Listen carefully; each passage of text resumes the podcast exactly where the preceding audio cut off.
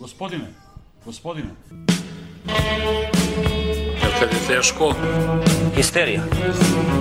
Neki san koji smo imali pre svega ovoga ostvario se. Ta histerija.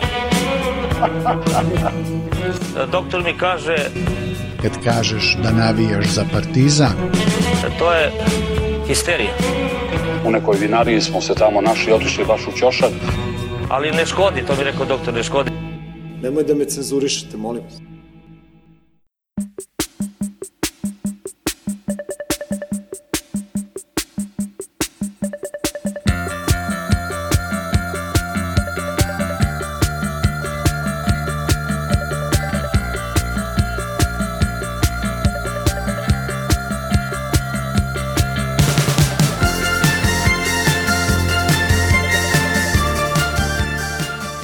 Dobro, momci, hoćemo počinjemo ili šta?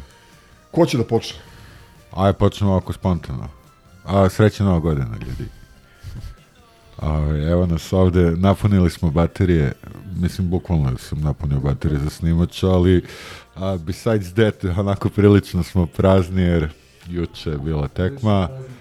Ovaj, imali smo i do, dobru uvertiru, onu, onu stres završnicu, uvertiru za novogodišnje slavlje, tako da jedna ovako nevesela epizoda. Nemoj Ovaj, tako.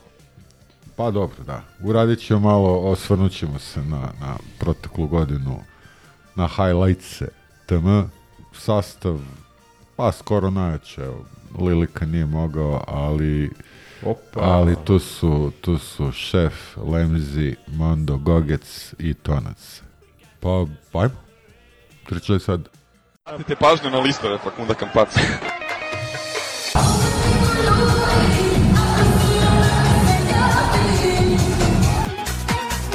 Every day. Pozdrav za Aleksu Avramovića koji puni FMF. God is good. God is the greatest. Hvala evo Kanar na svoju ABA ligu i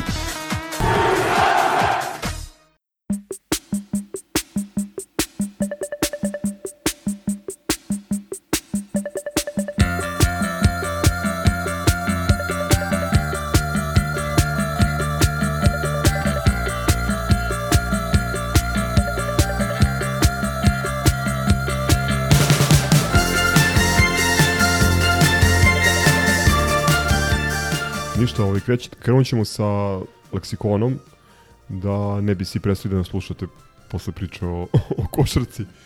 A, a ovo je nešto, sad e, zezija na stranu, nešto smo vam ostali dužni i što smo planirali da snimimo pred a, novu godinu, međutim ritam utakmica je paklen i prosto teško je i gledati, a ne igrati i umeđu vremenu organizovati još neke aktivnosti, uključujući ova snimanja.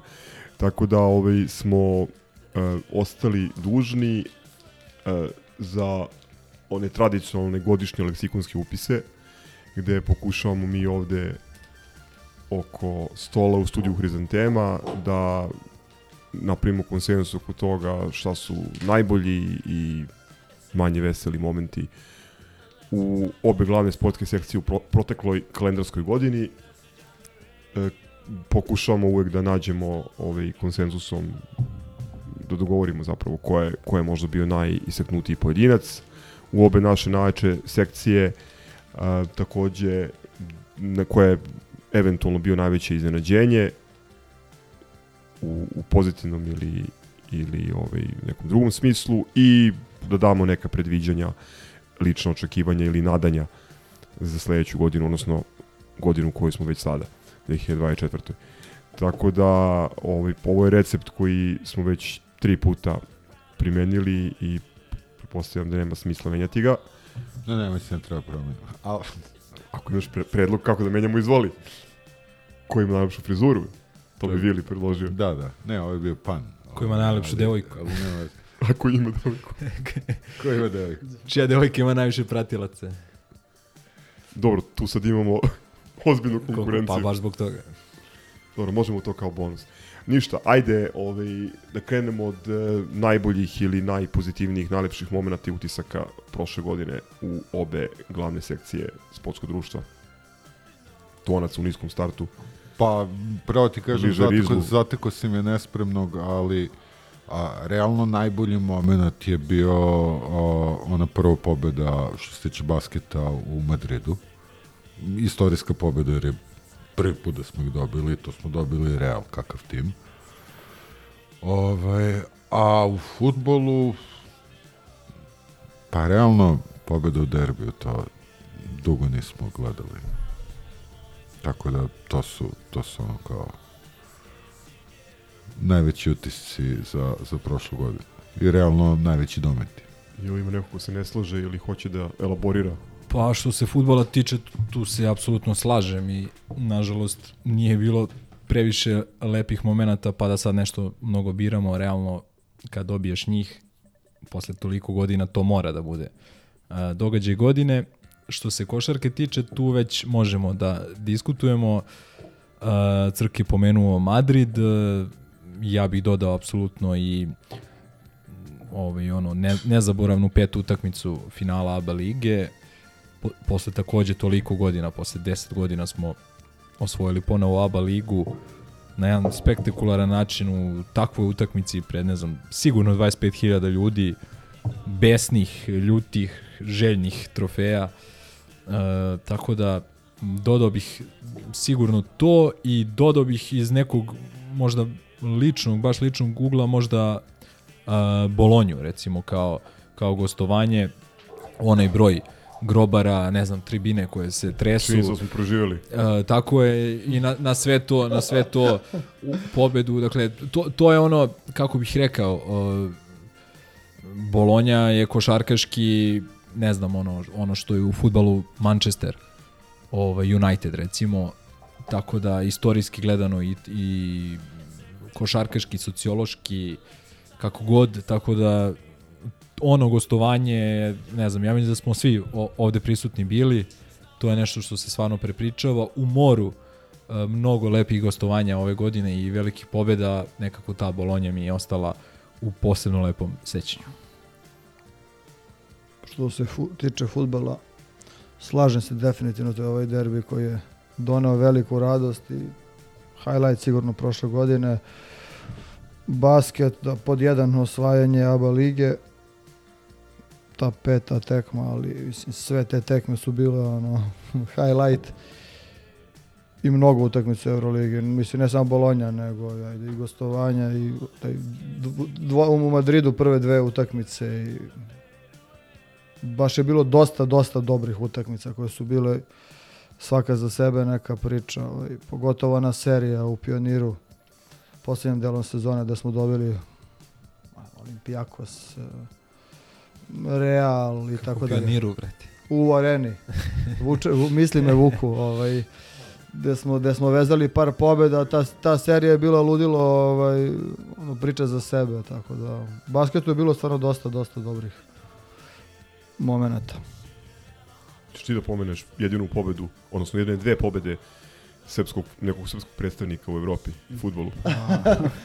ne, ja bi od futbala, ajde, dobro, derbi je preočigledan, ako bi nominovao nešto što nije na listi, to je na krovu ovaj, kako se zove u ovaj, ciganska filijala od 2-0 na 2-3 i sa onim golom ovaj, u, u, u, de, to je onako baš bilo E, izvini, ali ja sad moram kao Vili da preuzmem njegovu ulogu. Jadni mi ako nam je to highlight godine. Pa znači, dobro. Mislim... IMT na krovu. Znači, pa, nemoj se ljutiš, ali... Pa ne, ne, dobro, ja kažem, to mi je... Yes, znam šta hoćeš da kažeš, ali ono, a, a, ono to je samo pokazatelj gde smo. Pa znači. i to, ali prosto i, i, i highlight futbalski, ajde dobro, derbi je ono top of the list, ali karakter u ovom prvom delu sezone 23-24 i možda je Novi Sad bolje. I silni povrat. Dobro, Novi Sad Znaš šta će kaže da. Goran u smislu nekog subjektivnog osjećaja? Ja sam baš u onoj epizodi koju smo snimali posle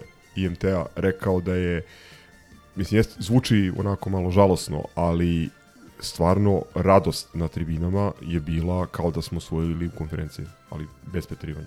Ne, ne, to, Ljudi to, su padali ni po drugima. To, to je ta radost, kao ono... Ona kišica, razigravanje. Jojić u, u, u 90. u derbiju ili Nikolićev Kešman. pokret telom kojim izbacuje čuvara, pogađa malu mrežicu, trči ka groberima, pada na kolena, imitira jeli Manceovo proslavljanje gola. Mislim, sve je nekako bilo A replicirao bi Zanimljivo. ovaj, Viliju, da kažemo. Ovaj, jebi ga, to je naša realnost trenutno. To što se mi tripujemo da je Partizan i dalje ozbiljan evropski klub, nije, tako da ono, svi se, svi volimo Partizan i, i ložimo se, poseban pozdrav za Zgroa na niže lige u, u Engleskoj to, to je to, mala utakmica, e, e, radost na maloj utakmici i to ima neku čar, ovaj, kao što je neki, ono, kad je bilo 2011. gol Ofki ovaj, u 90. minutu, Smiljanić bio isto ono, u rangu radovanja na, na, na, na golovima u derbijima, tako ili je. Marko Jovanović, Bsku, da. Besku, Tako je, isto tako, na tako I, i, ima tih malih pobjeda ko, koje su onako, upečatljive. tako je. Koje tako, ostaju. Tako je. Dobro, nažalost, ovaj, što se tiče futbola nema neki preveliki izbor, tako da ću se složiti sa, sa, sa vama koji ste de, derbi izdvojili. Mislim da moramo da, da izdvojimo tu situaciju prosto zbog činjenice da jako Konteksta. dugo... Da, da, kontekst, činjenica da je ovaj ova ekipa Partizana vjerojatno pripremana za rekordni poraz ili poniženje, a da je protiv svih očekivanja i, i kvota i svega zapravo uspela da, da napravi jedan podvig. Što tiče košarke, uh, da, peta utakmica u ABA, prava jedna dopaminska bomba ili rezervoar. Meni i dalje ono kad iz nekog razloga kad sam nešto u downu, pogledam one snimke proslave prvo ovaj, u hali, posle po raznim lokalima u Beogradu i prosto ovaj, to toliko diže, toliko vraća raspoloženje u, u neki plus da a, jednostavno moram, moram da istanem tu utakmicu. A, neko od vas je čini mi se ti, Mondo, ovaj, veliki broj kvalitetnih utakmica koju smo odigrali u drugom delu sezone, to je onih, ona nevjerojatna serija gde smo napravili 16-5, ako se ne varam, i potpuno obrnuli ovu situaciju i, i, i na tabeli i momentum. A, mislim da je tu ključno bilo, sad kad malo bolje razmislim, ono martovsko ludilo, ona, onaj nevjerojatan broj teških, jako teških utakmica, pa evo, ovaj, ako na prvu loptu uh, Olimpijakos u areni, Real Madrid u Da, da, areni, da, to su Real- utakmice, Real je ono, to su utakmice koje su bile um, epskog karaktera u svakom smislu utakmice za koje se ne tražila karta više nego ja ne znam, ono, živi mrtvi su, zvali da pitaju da li, da li može nekako da se uđe. Neverovatna atmosfera i sjajna reakcija našeg tima. Onaj legendarni ples Ledeja i, i Nanelija i Here we go kada svi nagomili ono buket slave, slave pobedu. Mislim da, da je to energija koju moramo da pronađemo sada. Ovo, doći ćemo kasnije do košarke, ali prosto kada posmatram gde smo bili kao klub košarkaški u ovom periodu prošle godine, dosta je to izgledalo lošije i bez perspektivnije nego sada. Ja sam preskočio basket, pa ajde da, što kažu da i u basketu uzmem nešto što je ono out of the list, e, dobro, naravno, peta utakmica koju sam ja ovaj, preskočio i još jedno ću reći, e, prijavljujem se da preskočim svaku sledeću odlučujuću ako će da, da, da donese radovanje, neki ja budem pored malih ekrana, ali tu bi uh, izdvojio E, to je bio neki šta već april, mart, šta je već bilo kad e, sa njima u ABA ligi Mhm. onaj povratak posle minus 20 ona oteta lopta ovaj pred kraj treće četvrtine i trojka Sora pokojnog zemlje, Madara tako je naskok. ovaj Ono epsko radovanje. Ovaj, tako Ne, je, ta kao- eksplozija ta je- eksplozija je Da. možda na- najveća Ako može retrospektivno da se meri udar, ono, zvučni, tu mislim da je ono krov bu, bukvalno odskočio. da, tako Kam, da- kamere su se zatresle, ove fiksirane kamere arene koje su snimale, baš obratite pažnju. Tako da eto to i naravno sve ovo što smo pomenuli, znači u, u ovakvim košarkaškim sezonama ovaj, ne, vrlo je teško izdvojiti, ok, kad se uzme trofej laganije, o, ali opet bilo je toliko stresnih utakmica koji su otišli i na ovu i na onu stranu i puno radovanja i plakanja ovaj, i onaj Monako, ona Panterova trojka koja je ovaj, e, majstor Tona zabeležio ovaj, na, na onom okupljanju i, i, i, I Nanelijeva u Splitu. I- Vrlo i- bitna, znaš, ono... I Nanelijeva protiv studentskog centra. Da, da, da. Jer, da toga nije bilo, Da, da. i pošto je prošao onaj Ivišićev pivot iz auta, mi smo mogli da završimo sezonu E, epskim debaklom. Da. Ali dobro. Ili što recimo kažu. seti se Milenko kako smo se osjećali dok smo slušali Rozu i daleku obalu posle. I jel to prelazimo na naj... Najtužnije. Sumornije momente, onako Pa sport. može, ajde, ovaj, može. Ajde, nastavi Izvoli. ti. Pa nastavi kad Pa već ne, ta situacija, samo hoću da pokažem koliko taj crno-beli roller coaster o kome stalno pričamo, koliko je ubrzan do nekog maksimuma u košarci i kakve smene, kakvi udari emocija se smenjuju iz nedelje u nedelju.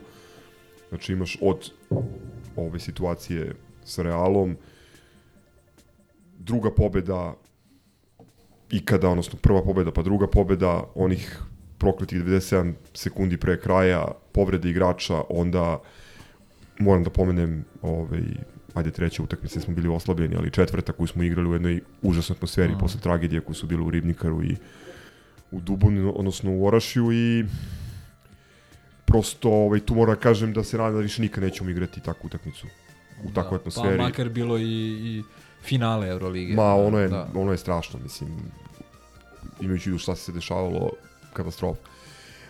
Dalje, ovaj, posle toga imamo prvu utakmicu, znači igrači potpuno, verovatno, u, u, u, ako smo mi bili u stanju šoka, mislim da su oni bili, ovaj, da, da s većini nije igrala košarka. E, Milka Džikić preminula, mi igramo u Pioniru Studentskog protiv centra. studentskog centra, gubimo utakmicu, odnosno Pante promašuje za pobedu, mada odi- odigrali smo katastrofa, realno igrači su delovali potpuno van, van sebe. Onda situacija gde je Žakeljov eh, studentski centar mogu vrlo lako da nas izbaci već, već tada u četvrtfinalu ABA. Onda Olimpija... Čekaj samo, u- uputstvo u jednini je najtužniji moment. Ti si ga... Pa ne, to je crno-beli roller coaster. mi ćemo da je- da- Ja ne Dao mogu, ja ne mogu da... si mu ga po seriji. Hoću kažem, ne može da se posmatra izolovano bilo koji ja mogu, trenutaka. I... ja mogu i, i baš mi je jako, jako ovaj, dobro, pošto, ok, ona četvrta utakmica posle, posle Ribnikara, ono, to je van svake konkurencije. Govorimo o, o sportskom momentu i to je upravo par dana nakon, nakon ovog koji sam istakao kao najveći pobjeda u Madridu. Druga pobjeda u Madridu posle koje, ako se sećate, nismo završili podcast. Mi smo pobedili i to ubedljivo pobedili i bilo Real u nam- Madridu. I bilo nam je jasno da sve ide dođe vola. Znači, a, i to mi je, znači, teže mi je pala ta pobjeda nego kasni porazi koji su bili logični. Jer, ovaj, bukvalno na, ono, džubret su nas, na, na kvarno, španska govna su nas dobila na kvarnu, na špansku foru, a, dokazujući da su najsličniji apsolutno svi španski klubovi i reprezentacije a, imaju isti, isti pattern kao i Crvena zvezda, to je sve samo ne sport. Imaju, ali, ali ja moram da kažem da taj Real Madrid ipak prednjači, što smo Pa, osetili na svojoj koži sada, i sad neki dan, da, šta su znači Rodriguez udara udara ovog Laprovitolu uh, Obostrano uh, isti igrač Rodriguez uh, šutira ponitku pre samo 15-20 dana Ispred sudije, ispred sudije ništa tako da to, ova generacija ajde da kažemo bar da se ograničimo na ovu generaciju Reala je nešto najprljavije što je sport van ove druge strane Beograda video. Ja se slažem sa, sa crkom u potpunosti. Što se futbala tiče, imam dva tužna momenta. Jedan je one, ona nemoć u Danskoj, gde ti North Shelland daje pet komada i mogao je da da realno još pet. A što se, da kažem, e, van terena tiče moment e, da se Partizanu gasi struja na stadionu, e, da ono niče trava na, na tribinama, to je I da se krade agregat. to je nešto što ono i sa boljim rezultatima od, od ovih jednostavno to, me, to je ono što me sprečava da budem optimista jer prosto to je nešto što jedan ne ozbiljan nego jedan, jedan klub znači ne mora bude ni ne znam koliko ozbiljan, to sebi ne sme da, da dozvoli. Tu je onaj šerif nesrećni ovaj, sa se overtirom protiv gostujućih navijača i onda... A znam, ali taj šerif je, ne znam, ono, dobio Real u Madridu ili šta je već, ono, Ma- izbacio Dinamo, nešto su uradili nekad, znaš, ono, Imali smo neka očekivanja. Ali da, Imali jeste, smo jeste, neka jeste. očekivanja tada, realno. Pobedio si na strani, vodio si 1-0 u Beogradu. Jeste, ali i to na strani jedva i generalno nije, jednostavno moment meni nešto nije bio dobar, nije mi to bilo toliko iznenađenje, niti mi je, samim tim nije mi toliko teško palo. Ne znam Nije, kako da, ali imao si, da, imao si moment kad si ovaj, Gat ti daje četiri. bio favorit komada, da prođeš, ali imalo je tih momenta Gat i šta još beše Te- kući. TSC. Pa šta nije bilo kući, svašta ima. TSC, gol iz kornera, imao si surdulicu kod kuće. Surdulahe, da.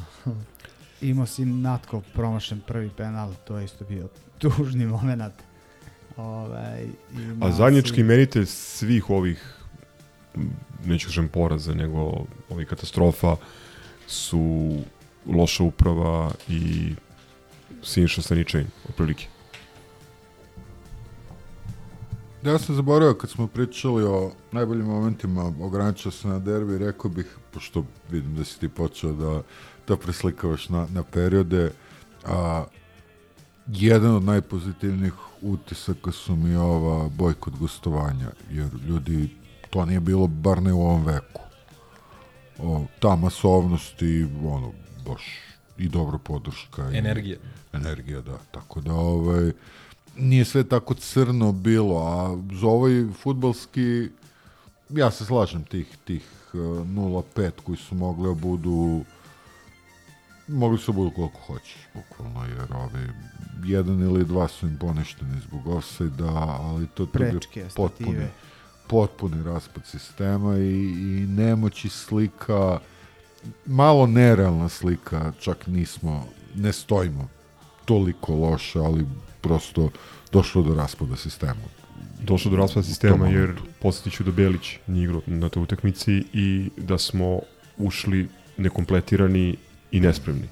Tako da, kako, Dobro, ali kako mislim, kreneš u da. sezonu, tako će da ti se vrati. E, tako? a ono što je, što je, ako kažemo, ajde kao moment, a najtužnija stvar je što su vepri vampiru u ostavci, evo ga, povampirio se naravno, ove, što su tu i što su here to stay, ono, ne vidim se, ne vidim se kraj. Čudi me da niko nije pomenuo Fuseni Diabatea. Sećate ko je on? Nije, nije zaslužio da se nađe ni na jednoj i naj listi, čak ni onoj najgore. Ćuti samo kad ode. Mislim i to ti je pod uh, ovaj upravom. Mislim, Pa jest, ko- koliko jest. god on bio debil i budala i šta ti ja znam, opet to ozbiljan klub sebi ne dozvoljava. Da. Ma, pazi, pričali smo, posle, posle slučaja Sano, koji su oni uspeli da spinuju, okrenu i optuže navijače Partizana koji kao nemaju poverenja u svoj klub i da izmisle sudski spor koji vode protiv Japanca koji je potpisao za nemački klub i sad produžio ugovor. Mislim, da li postoji neko ko veruje da Ovo očigledno veruju oni sami. Ma ne, mislim, da govorimo, o, ono, govorimo o ljudima koji nikakav moralni okvir nemaju. Mislim, činjenica da je čovek u avgustu podne ostavku i onda se na naj nonšalantniji mogući način pojavio na novogodišnjem koktelu i prezentaciji kalendara Gde kao da- proziva trenera. kao da ništa nije bilo i to ne jednom, nego više puta. Istog trenera koga bi verovatno smenili i ne bi se pojavili da smo kojim slučajem derbi izgubili kao što su svi očekivali. Mislim, potpuni jedan, jedan haos. Apsurd od E, kluba. Ajmo na lepše. I, ne, hoću samo još jednu stvar da kažem tu, ne u vezi Aba Ligi, nego u vezi futbala, apropo ovih gostovanja, Crk je potpuno u pravu, Novi Sad, ajde, u Topoli nismo igrali 90-ih i ranih 2000-ih, ali Novi Sad, Kruševac, pa čak i Kragujevac s ranim danom u lošem terminu. I Niš ponedeljkom. Niš ponedeljkom, znači U- vrlo, tri. vrlo, vrlo brojna. O, o, ove sam namerno iz- izdvojio, pošto recimo u Nišu smo igrali u finišu sezone kad smo osvojili titulu i to je sigurno najmasovnije gostovanje dole, ali recimo o Novi Sad i Kruševac, Kruševac vjerojatno masovnije od Dijare i osvajanje titule, a, A Novi Sad... od neke 2008. 9. bila je puna ona istočna tribina. Ja mislim da je puta. sad bilo više ljudi, možda najviše od perioda kada smo bili na severu. Znači, A ovaj, dobro, mi ne znam sad što kažu. u svakom slučaju, ja bih rekao, jedan najvećih poseta u prethodnih 20 i kusur godina u Novom Sadu. svako, ali bilo je više nego pristojnih Da. izdanja u onom periodu kad su grobari bili onako E sad, sa brojkom respektabilni 2007. 8. 9.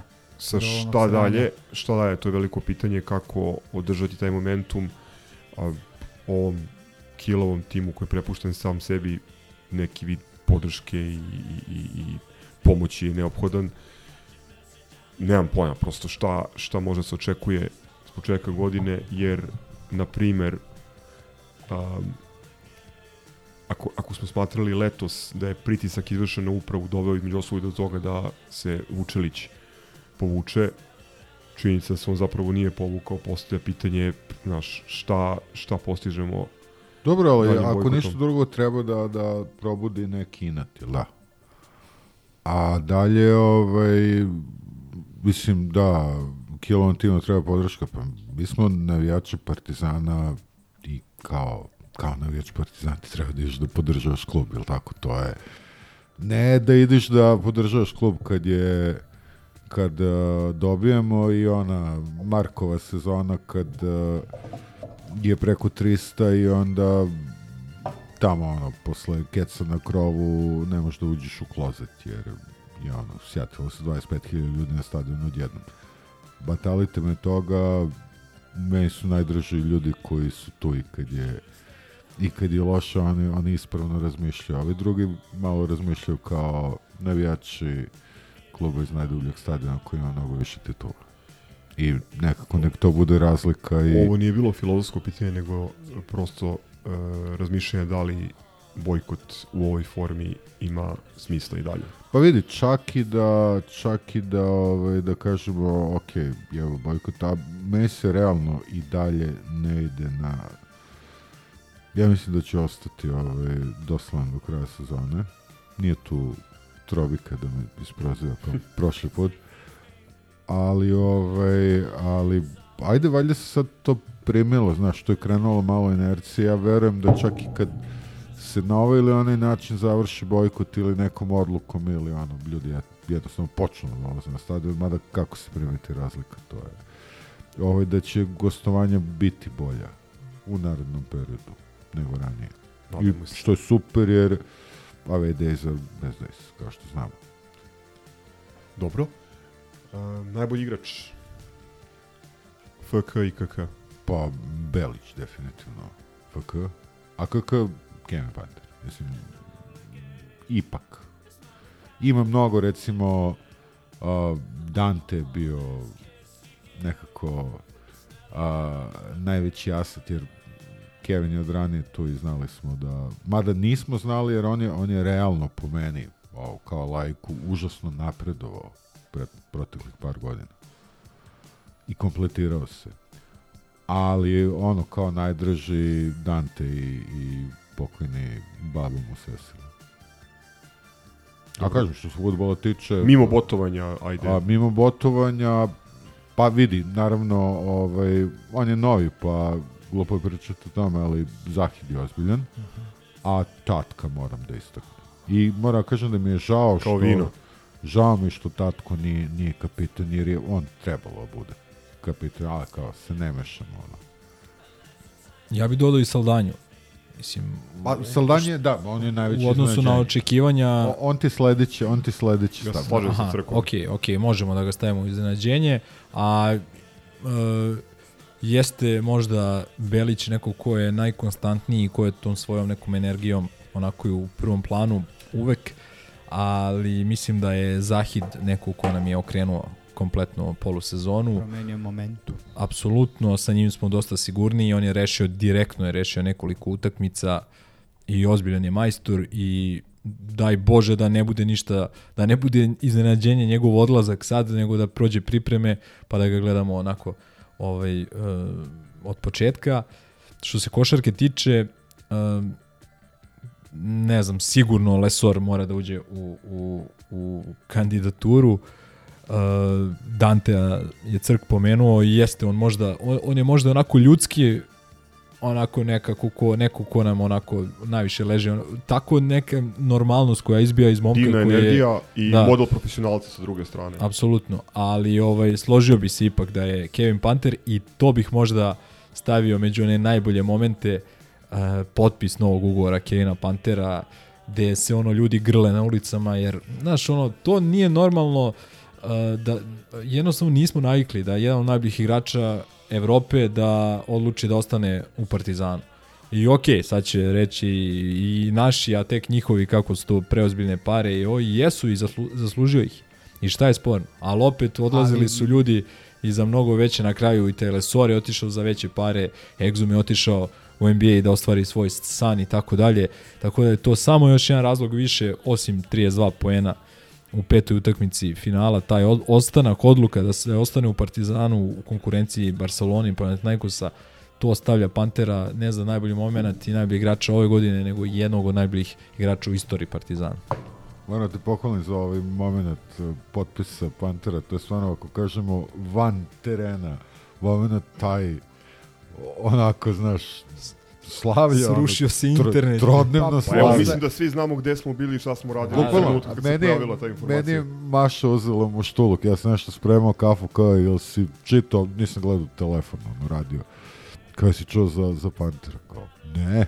Pa posle dolaska, povratka Željka Obradovića, to je ono, vjerojatno, naj, naj, najjači moment. Jeste, ali ti, e, za Željka se pričalo, pričalo, pričalo, znalo se. A ovo Ovde kao niko nije ide verovao. Šta Barca, više, ide šta više, neki su objavili već da je Potpisao potpisao, za za Barcelonu, Barcelonu. da, I to je ono što bi rekli u tom vrhunskom sportu, to ti je statement move. To znači time si pokazao da si ozbiljan klub. Već sad su počeli svi da nas otpisuju kao evo krenuli su da ih brste. Mislim, mi nismo očekivali. Setite se naših razgovora s početka leta. A slavljenička epizoda ovde svi su prežalili kako se ako se zadrži jedan od ovih Tako je. To je, Kameruna. ma to je te Geltija mračio poslije u pičku. Ovaj, ne, ne, da, Samo da kažem jednu stvar, ovaj, apropo ovaj, Zahida, uh, ja sam isto onako strepeo šta bi moglo da bude sa njim posle ovakve sezone, posebno u svetlu velikih problema finansijskih kojima je klub i ovih nekih promenjenih pravila koje u teoriji omogućavaju igračima da vrlo lako izađu iz ugovora. Međutim, pojavio se prvi intervju, ako sam dobro, ja dobro primetio, koji on dao nekom lokalnom mediju ove nedelje, gde on jako lepo priča o Partizanu, o vremenu u Beogradu, ovaj, i koliko... O srpskoj hrani, kuhinji. Nije išao toliko daleko, ali mislim da su njegove profesionalne... Mislim, delo mi prvo da je dosta stabilan lik, da je realan, da nije neko ko, ne kažem dijabate, neko ko juri ovaj, ne, ne, nije taj, jedno- nije, nije taj tip uh, osobe. Mislim da je njemu da je njemu ovde okej da uh, vidi sebe u Partizanu makar do, do leta i mislim da mu je dalje neka profesionalna ambicija da se vrati u reprezentaciju Norveške. A to će uspeti da uradi ako igra redovno igra, i igra okej. Evo Mondo, nego, kao veliki ljubitelj, ljubitelj, ljubitelj Norvežana. Norvežana, ovaj negoduje. Aj kad ste pomenuli ovaj, produženje ugovora sa Panterom, ne mogu nikako da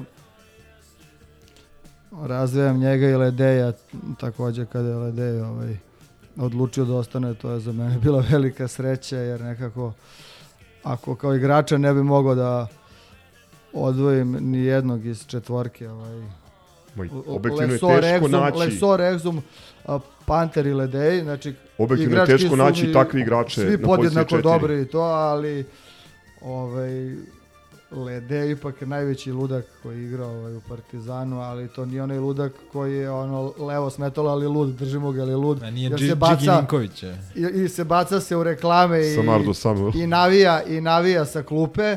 Ovaj, I nosi dok, dok, dok kalorifer. trener crta akciju. Ovaj, Nosi kalorifer. to je jedan Izlazi o- u grad. da, ali odličan evroligaški igrač koji ima ovaj, Ne, ne. Širan, širok dijapazon oružja ovaj, na Bez terenu. zajebancije, znači ti igrača, znači tog old school tipa na četvorci u Evropi nemaš. Bukvalno jedinstven igrač, znači ne samo zbog onog izbača, Arsenije nego uopšte Pešić. zbog rezonovanja, pametan je, borben, uh, prljav kad treba da se ne lažemo, prgav. to, presrećan sam što je on još uvijek tu. To sam shvatio ove sezone, on je ubedljivo ono na, najveća glava koja je igrala u tom klubu. I kao tonac moram da istaknem riznica džinglova. I riznica Kada je u onom propovedničkom modu. A ovamo ako o futbolu pričamo, ajde, može Saldanju da stavimo kao iznenađenje, ali meni on pored Belića ovaj, broj 1, mislim, 14 golova i 4 asistencije. Znači, to nije bilo na kladionicama, ono, nije mogli ni na upit da se traži Dao tako čovjek nešto. tri gola u prošloj sezoni. Ma ja se sećam, evo, što, što kažu, ja ću ga staviti u ova iznenađenja, šta sam ja prvi, što kažu, ima zapisano na traci, kad je objavljeno da je on potpisao, mislim, spredali smo se u smislu milion i trista za šta, ono... Za Firmina, za siromašne. Mi- kao misli, pa da, da, mislim da smo računali da je to bilo ono koliko, ovaj, 200.000 po, po golu u dosadašnjoj karijeri u zvaničnim utakmicama. U drugoj ligi Japana. Tako je, mislim uopšte, znači ono, a, a, što kažu, absurdan CV, a onda sam posle druge strane od e, struke ovaj, i nekih ljudi ono van naših krugova ko, koji malo ozbiljnije prate futbal, ovaj, gde su, tad sam prvi put čuo da kao da je ozbiljan i da može bude ozbiljan igrač i onda kako je krenuo, prvo je krenuo ono Pipo Inzaghi guzetanje, ono da, da se nađe da ćušne loptu u gol, što realno nama, nama i treba i trebalo nam je od uvek. Ovaj, tako da, da... Ali nije samo to da daje iz odbitka ili iz Ne, ne, ne, znači imao je on i lepih akcija i golova. Ne, ne, mi- mislio sam ono od e, Topola, Novi Sad, gde već ono prva dva Da. tri gola su bila klasično ono ono Jeste, jeste, ono jeste, ali- slučajnost, ovaj, ali posle toga Ali ume, stvarno ka- zna. ka- kad zna. je malo nabio ovaj kondiciju u teretani, kad ga je Miša Pilates uzeo pod svoje, ovaj onda to je krenuo, je, mislim, ozbiljan igrač. Zato mislim, i da jeste može- iznenađenje, to njegovo prisustvo, jer ni statistike, ni neki background koji je bio dostupan, ni ovaj, očekivanja ovaj, nakon onih prvih utakmica nisu davale apsolutno osnova da se veruje Za da je on, da je on razliku- gol igrač da, kao za- Ricardo. za A ra- ispostavilo se, oprosti, ispostavilo se da je on u smislu nekog prisustva u timu, uticaja na saigrače i Zahvalniji od doprinosa da je, da je u mnogo čemu ja Ricarda lično ono više simpatišem, Ove, Isto, ali, isto. ali, ali u smislu prisustva i doprinosa Saldanja je Saldanja je daleko ispred. Samo- Posebno u tom kratkom periodu i ipak u vrlo specifičnom trenutku za Partizan. E, Nije samo broj golova koje je napravio, mislim, koliko je on koliko je lopti sačuvao, koliko je puta razigrao sa igrača i Je- tako dalje. Jedna stvar koju mislim da nismo nikad pomenuli, ajde kad smo već malo ovaj ozbiljnije ušli u, u analizu Saldanje, a to je da je on po meni jedan od prvih igrača, posle eto Diara, pa on. Da, igrači koji su bljesnuli kod nas, svi su, bar u nekim omladinskim danima, pričamo o strancima, imali neki zavidan CV da su prošli, ne znam, školu Juventusa, Barcelone, ovog ili onog. Ajaksa kao menih. Ka, pa kako god. Ali on nije baš bljesno, ona se više pljesno ovaj, po- šamarom, ali on je jedini koji tako baš ono klasičan brazilac. Sumljiva biografija, potencijalno sumljivo godište, e, sve ono što može da bude vrhunska Bili prevara. zubi. Da, da, vrhunska prevara, ali ispostavilo se onako baš da, da, da može da bude i već je pun pogodak. U tom smislu, ako Aj, mogu posle samo da vremena. kažem, ovaj, ne, e, bitan igrač, ali van terena. Sad. E, bitan igrač, ali van terena, bez koga se verovatno ni taj Saldanja ne bi desio, Zahid svakako ne bi desio, a verovatno još neki neki naši igrači koji su... Dario Srna. Dario Srna. Mislim, to jeste onako neka tužna polusirotinska Grobari su logika svi Hrvati. ali da ne beše ovaj, te veze Srna Dulje. Mi smo, mi smo pričali o tome još letos, sećate se. Mi nismo sad ulazili u detalje, ali ima, ono, imali, smo, Pa, pametnom dosta. imali, smo neke, imali smo neke informacije, jeli, ovaj, kako se igrači dovode. Znači, tamo neko je video tog Saldanju, očigledno ne dok igra drugu ligu Japana ili drugu ligu Kine, prepoznao njemu neki talenat. Taj Zahid je bio u nekom trenutku u, u, ovaj, na radaru skautima City-a, pokazao je nešto u Panatanikosu, nagovestio neki talenat i ovaj, hvala Bogu da su ti, te beleške, te puškice ovaj, skauta Man City-a i, i, i Panatanikosa ili, ili Šakćura završile kod nas, pa smo uspeli nekim ludilom da dovedemo da uradimo potpuni rebuild ekipe. Ljudi, mi smo 11 igrača dobili.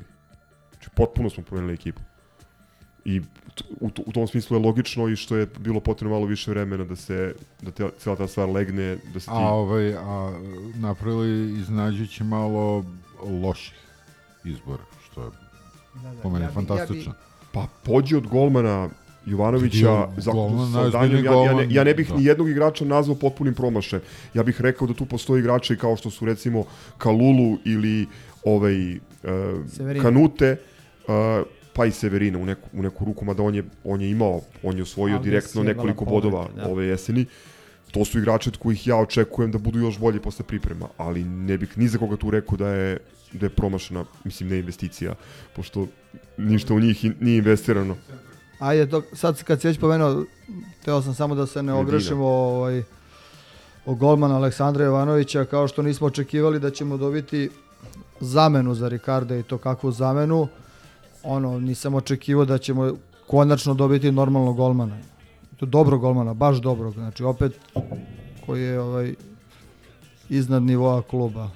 Znači, Jovanović je branio ono što je moglo da se odbrani, ono što nije moglo da se odbrani i napravio vrlo, vrlo malo grešaka. Ma sa izuzetkom TSC-a gde su svi bili kodrogirani pozadi. Tako je. Čovek je branio bez grešaka. Bez grešaka. Znači, mi imamo dobrog golmana na golu, stvarno dobrog golmana. Čemu deluje, mislim, golmani su, što bi rekao Vili, specifične psihologije, ali ovde imaš čoveka koji je stabilan, koji je normalan, koji uh, je prisutan. Koji je motivisan, vidimo se u pogledu. Čovjek Tako je branio, branio jako bitnu utakmicu s temperaturom 40, mislim, pođe od toga. Samo bi zamolio onda da kaže prvi ozbiljan golman posle koga? Posle... Božovića. Aha, dobro, dobro, okej. Okay. A, ovo je za, za gledalci sa jeftinim ulaznicama, ovaj, ovo je rasprava a dva najveće hetera Stojketa Srbina ovaj, ne, ne, a bio je i Stojke Srbin i Stojke Grobar, dakle, ovaj, a, s tim što mu je Gogic oprostio ruž, ružnu prošlost. I Periku. A, ovaj, a Mondo nije. Pa mi jedan reći. Ali meni je najsmešnije bilo kad, kad ovaj, Stojković odbrani nešto izvodi iz guzice nemoguće i Gogic koji kaže stativa. A, ali, ali ja bi samo se, bez zezanja, izvini sekund, bez zezanja mislim da je Jovanović, uh, makar trenutno u ovoj sezoni, da je kompletni golman. Ono, nema, nema ono, ovaj, one kikseve ne puca Mulijana, kao što je Da, dobro, nema, nema ono kokoš je slepilo, ovaj, kao... Ovaj, pa, i, pa i, izvini. Sin Olimpijakos. Ali da se ne vraćamo sad, to, to su sve obrađene teme, nego ja bi samo u, u ono brzinski ovako preko reda u najtužniji moment futbalske sezone, ovaj, iako nisam pristalica spominjanja igrača u negativnom kontekstu, to je ostanak Saničanina u, u klubu. Ovaj, ispostavilo se da je to doprinalo mnogim tužnim momentima i, i u prošloj sezoni i u ovoj polusezoni, tako da, da nadam se da ćemo uskoro imati priliku da kažemo ćuti samo kad ode. Pa evo, ušao je u poslednjih šest mjeseci ugovora. I sad će da se otimaju ovaj za njegov potpis. Borac iz Banja Luke možda je. Da, eventualno želja. Bog, Bog ih blagoslovio ako, ako ga preuzmu. Ovaj, ajde, kad smo kod negativnih već iznenađenja, da pomenemo i odlazak uh, Madar.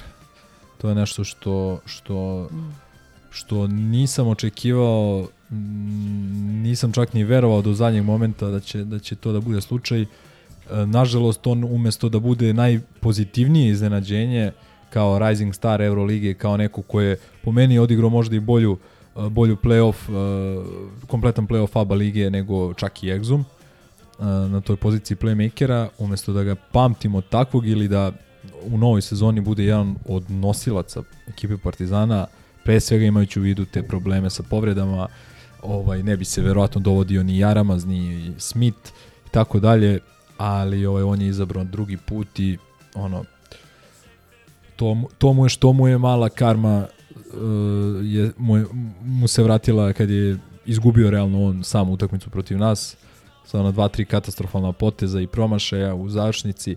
Kažeš je ona u glavu. Pa, ajde, dobro, to, to može svima se desi, ali ovaj, ovo Ne, mi je čekaj, posebno ja drago. moram Ništa, da da poželimo ovo- još toga Da. Ja moram par kažem da su ovo dvostruki standardni na delu, jer kada ovaj e, a, Loven odigra katastrofalno protiv nas, što stalno radi Bratina, onda, onda je Bratina, a on, on mi karma, znaš, mislim, nije okej. Dobro, ali to je priča Da. o dolini gladi. Propustio si taj, tu sentencu, odnosno taj čas Da. retorike. Ali, ali okrenuo bi se ja još, još i na taj ovaj, e, tu vrtešku u košarci koju imamo čak i, i van sezone. A to je sad ovo što je spomenuo ovaj, Milenko i odlazak Madara, kakav je roller coaster bio i, i potpisuje Panter uh, spam folder sa Madarom. Onda Dolazi dolazi, Miro- Mirotić, ne dolazi Mirotić. Ovaj se, znači prosto i kad se ne igra košarka, ko, košarkaška međusezona je nenormalna kao i, i Ma to košarkaška pregrevanje, to pregrevanje atmosfere, uh, ja za to direktno krivim, gde si Miloš? Nešto mi poznam taj duks. Direktno krivim društvene mreže. sezona. Direktno, takođe. E, direktno Volimo. krivim društvene mreže i to što jednostavno ovaj, industrija zabave ili lake zabave ili kvazi zabave stalno traži neki povod, pa i mimo povoda koji su realni, kao što su Mader ili ovaj, što neću ime da mu pomet, što neće da deli narod, ti stalno imaš neku dramu. I mi smo ovaj, uoče emisije malo pričali i, i, i o tim reakcijama nakon sinoćnje utakmice i realno teškog poraza, ali da li to zaista tako kakvi se na mrežama, na mrežama pre, predstavlja? Ja, mislim, pričali smo o tome, ja mislim da Dule Vujošević ne bi sastavio dve sezone u Partizanu. Da je tad postojao Twitter ili Instagram u, u obliku u kome Ne bi preživeo onu prvu i, i, i, i, i onu napetost Da. sa Freddy Houseom u Pioniru i slično. Vrlo moguće. Uh, ja samo još jednu stvar ovde imam da dodam uh, na stranu botovanje. Uh, moram Belića da istaknem. Njega smo prošle godine u prethodnom ovom leksikonskom izboru uh, naveli kao najveće iznenađenje, što je on prošle godine bio. Sada je Kristijan Belić u punoj meri integrisan u tim i predstavlja njegov aj neću kažem integralan deo, pošto to već jeste i bio, nego A motor? naj, Predstavlja motor. najstabilniji deo i motor. Motor tima, Partizan, ono. Partizan, ekipa Partizana bez Kristijana Belića nije nije ovaj ono što, što, što volimo da gledamo, što želimo da gledamo. I a, ja se samo nadam, još jednom kažem, prelazimo lagano na želje i očekivanja da će on nekim čudom da dočeka da dočeka i, i stoti zvanični nastup, pošto je 50. nedavno namakao i da će da ponese traku kapitena, pošto mislim da je on inspiracija ne samo za navijače zbog te strasti koju, koju daje, nego i za nego i za saigrače. E, da bi vam dao još koji sekund da razmišljate o očekivanjima, samo ću da pročitam kao ovaj intermeco šta je Histi uradio ili postigao u prošloj godini, ovo je neki, uh, neki presek.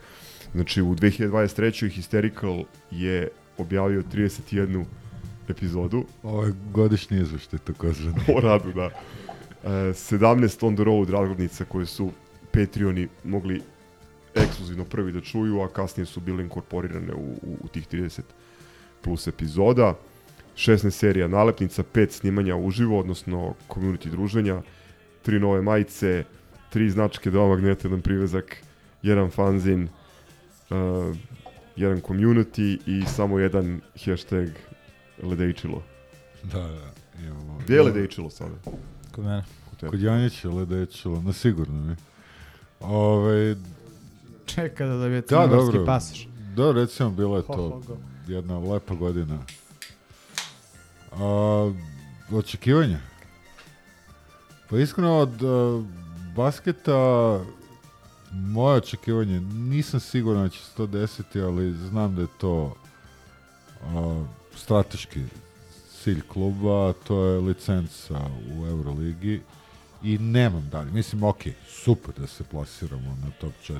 Genijalno da, da Željko uzme desetu titulu, ali uopšte se ne opterećujem time. Želim da gledam pa- Partizan na Euroligi, ne zabole zabu, da nemam pojma za, za klub iz železnika, za franšizu, da me ne zanima i to je to.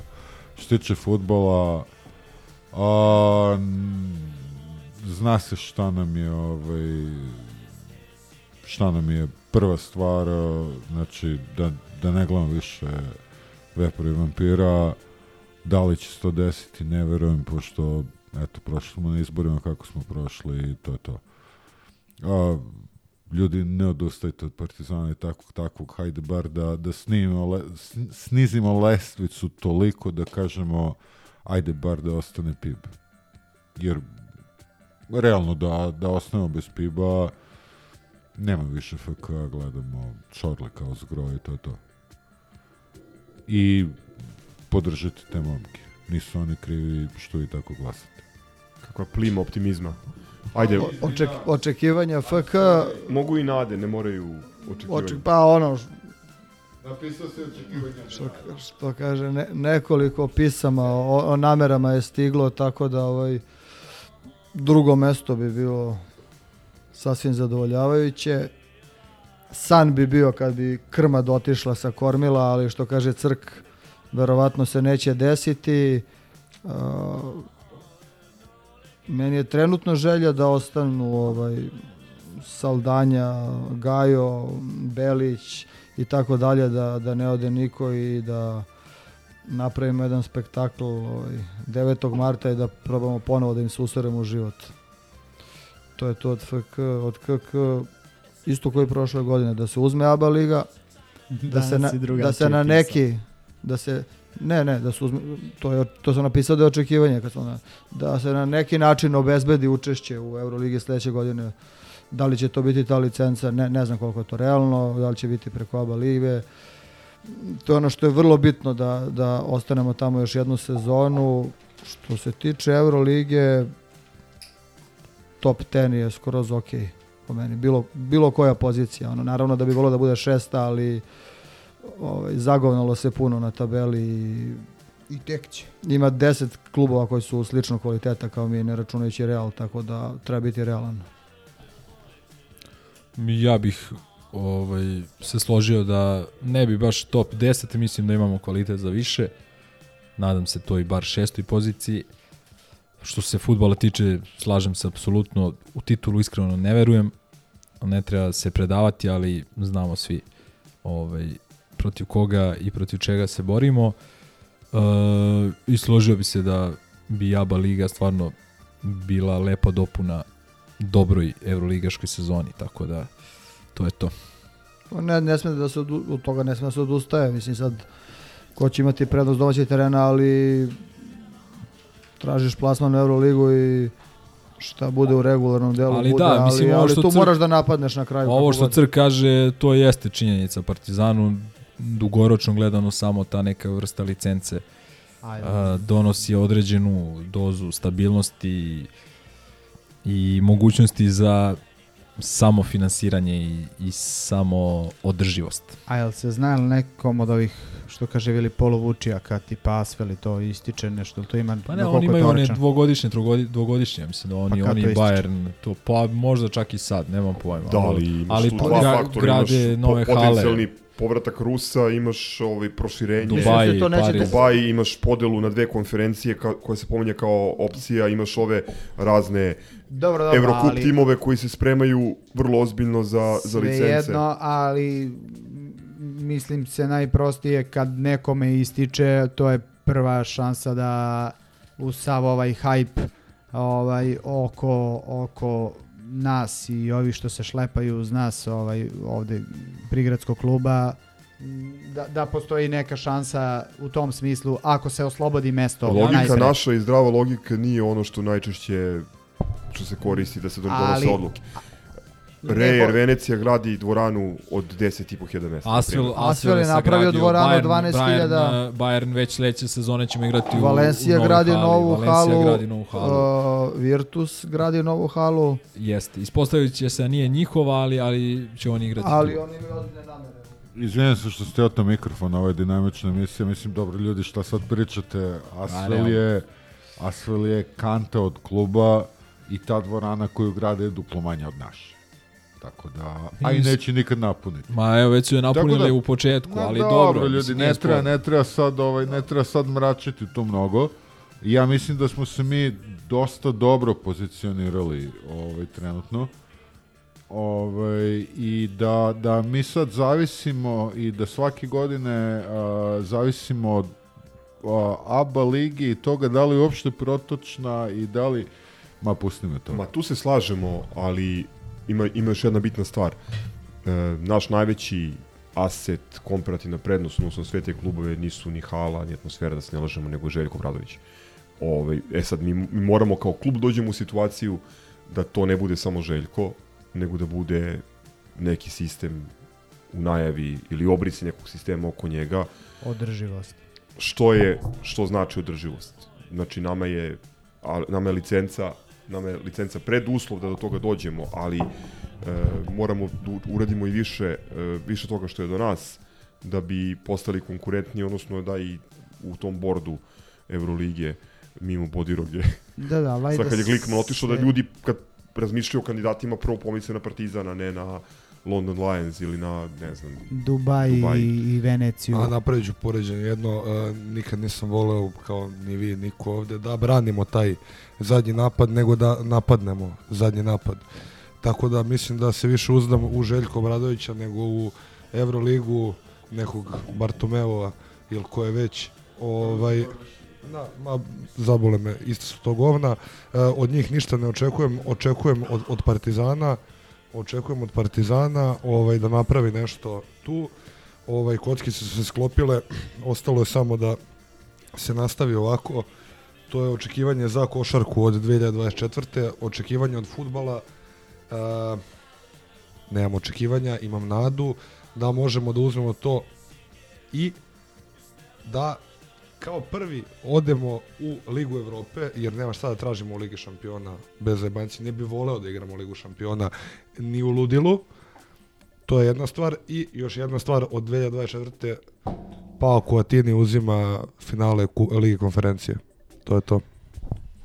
želje, čestitke, pozdravi. Ovaj, ja u basketu m, prva i osnovna želja mi je preslikana od prošle sezone, a to je ABA trofej i bar jedno mesto iznad e, prigradske komšinice.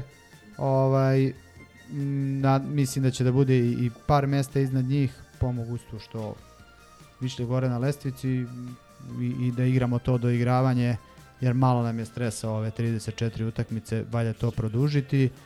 U futbalu, kao i do sad, nadam se da ćemo visiti sa bandera i da će nam Pao Kare iz 2000, kad beše 18. 19.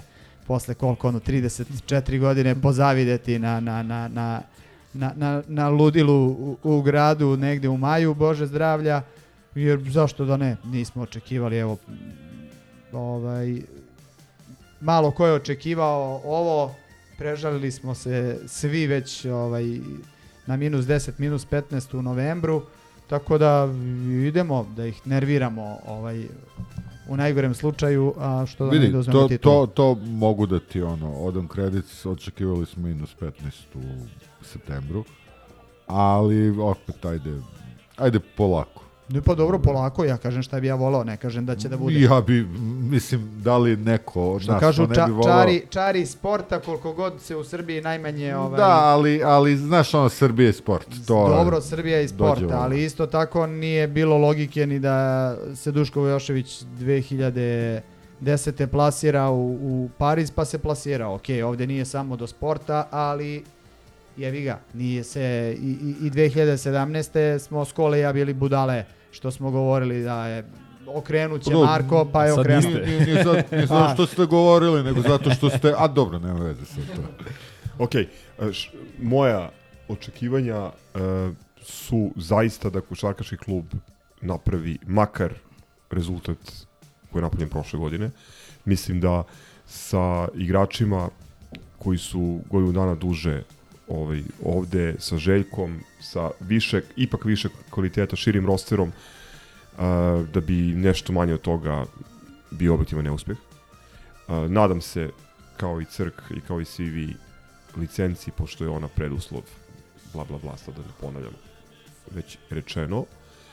Um, takođe, e, nadam se, nadam se Berlinu i Final Fouru do te mere da ću da vam priznam da sam kupio karte za Final Fouru. Tepiću, otkud ti u studiju? Ove, da, e, prošle godine... Tepić progovorio za... Prošle godine, prošle godine nisam teo da vam kažem po, da sam posle Olimpijakosa uzeo, uzeo karte, ovaj kao zbog duplo kontra Malera, ali evo sad, sad ću da kažem. Svi, svi, ovaj, e, e, svaki rutin u ovom delu sezone je pao, tako da moramo da Osim menjamo- jednog, osim Dobro, jednog, osim jednog, da, Slovenac da, da, da, ne radi da, u da, kafani. tako je. Gari, Kad igramo, Gari Tepić je kupio ovaj karte i preko Eurolige zvanično i preko ove, ovo, kako zove taj sajt, preko koga ste uzeli taj... da, francuska lutrija. Kaže, za slučaj ako tu nešto ovaj, ne bude u redu, ako me prevare da imam ove prave vrh, znači to je, Dobro, to je to je grobarska paranoja, paranoja, da, da, vrhunska. milijardu, ali... A za one koji taktiziraju, čovjek kojima je je- toliko ubeđen da, da, da mi idemo kao ošte se... Čekaj, čekaj, ne, čekaj. Ne, pričamo o Bita, tome da li ćemo ili bitan, bitan nećemo. moment.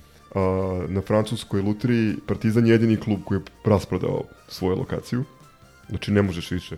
Da, da, da. Tako da ako hoćeš da taktiziraš, možeš da ispuneš 300 i nešto evra za realove karte, pa onda posle da, ako ne daj Bože, ne prođemo da ih preprodaješ, ako hoćeš.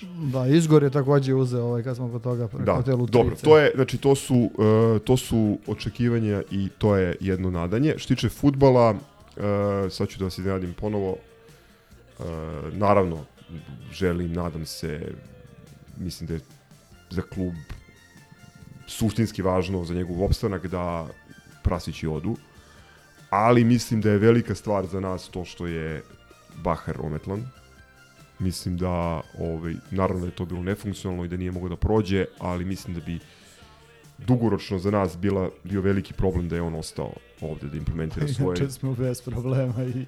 Ne, ne, i ne, ne, ne, o, o, ovde govorimo, šanse. ovde govorimo o, o nekim drugim stvarima, jer ti sad imaš kao protivnika ne nekog stranca koji to gleda ono, esnavski, futbolski, nego imaš jednu bunkerašku, prehajpovanu prevaru koja nije mogla ni svojevremeno sa svom logistikom i deset puta skupim timom da pobedi Batu Mirkovića, razumeš, nego se branio i, i, i gledao je kako da prevari i izvačari.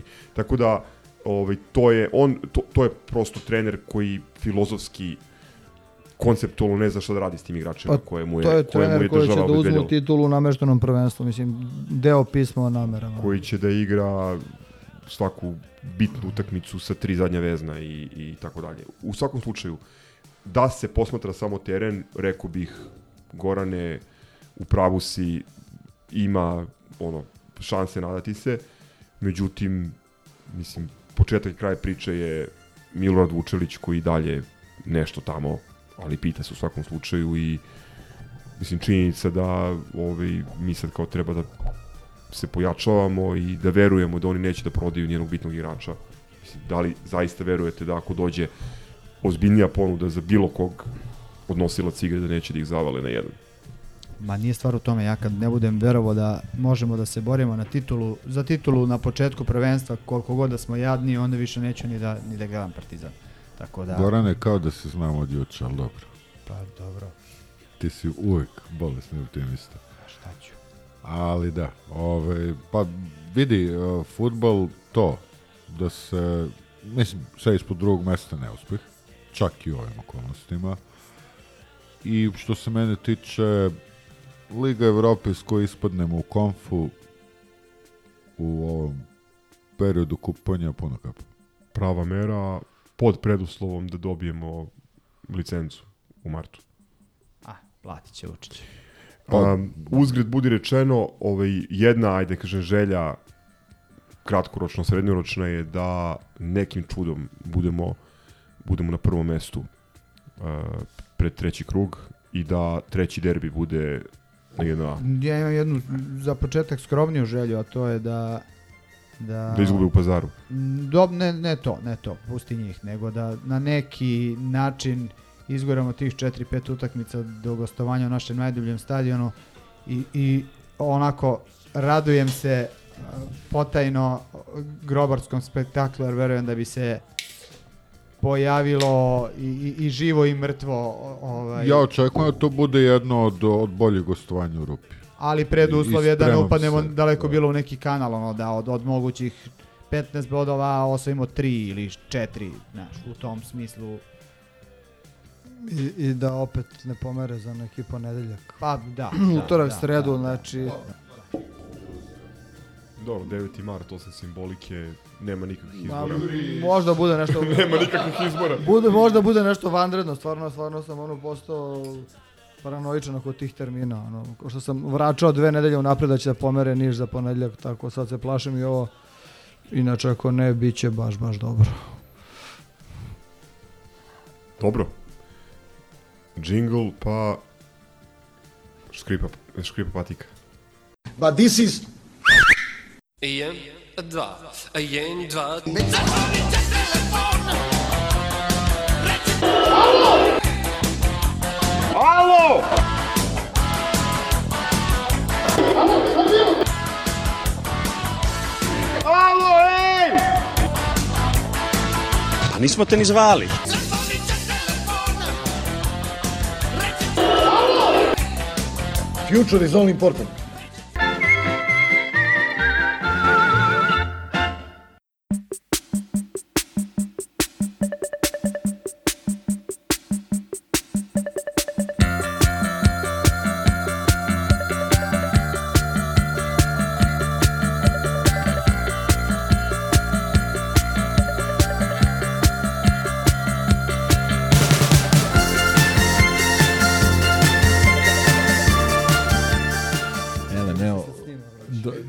dobio sam male, video? male prozivke. Hoćeš video, brate, to? Ajde, ajde, uključi. E, ovaj, dobio male prozivke, e, nažalost neće ostati do kraja snimanja, e, ili na sreću pojedinih. Sve je preče. Ovaj, kako se zove, e, prosto nisam u stanju, tako da e, ću da kažem par stvari sada generalnih vezano za košarku. Evo ovde na ovoj tabli šef je ispisao nekoliko tema, bilo je boga mi gomila utakmica od naše prethodne epizode, Zadar, Virtus, Bar, Asvel i Glebulja. Uh, između je ubačen uh, hrvatski reprezentativac uh, Jelin Smith. I crveni penis. Da.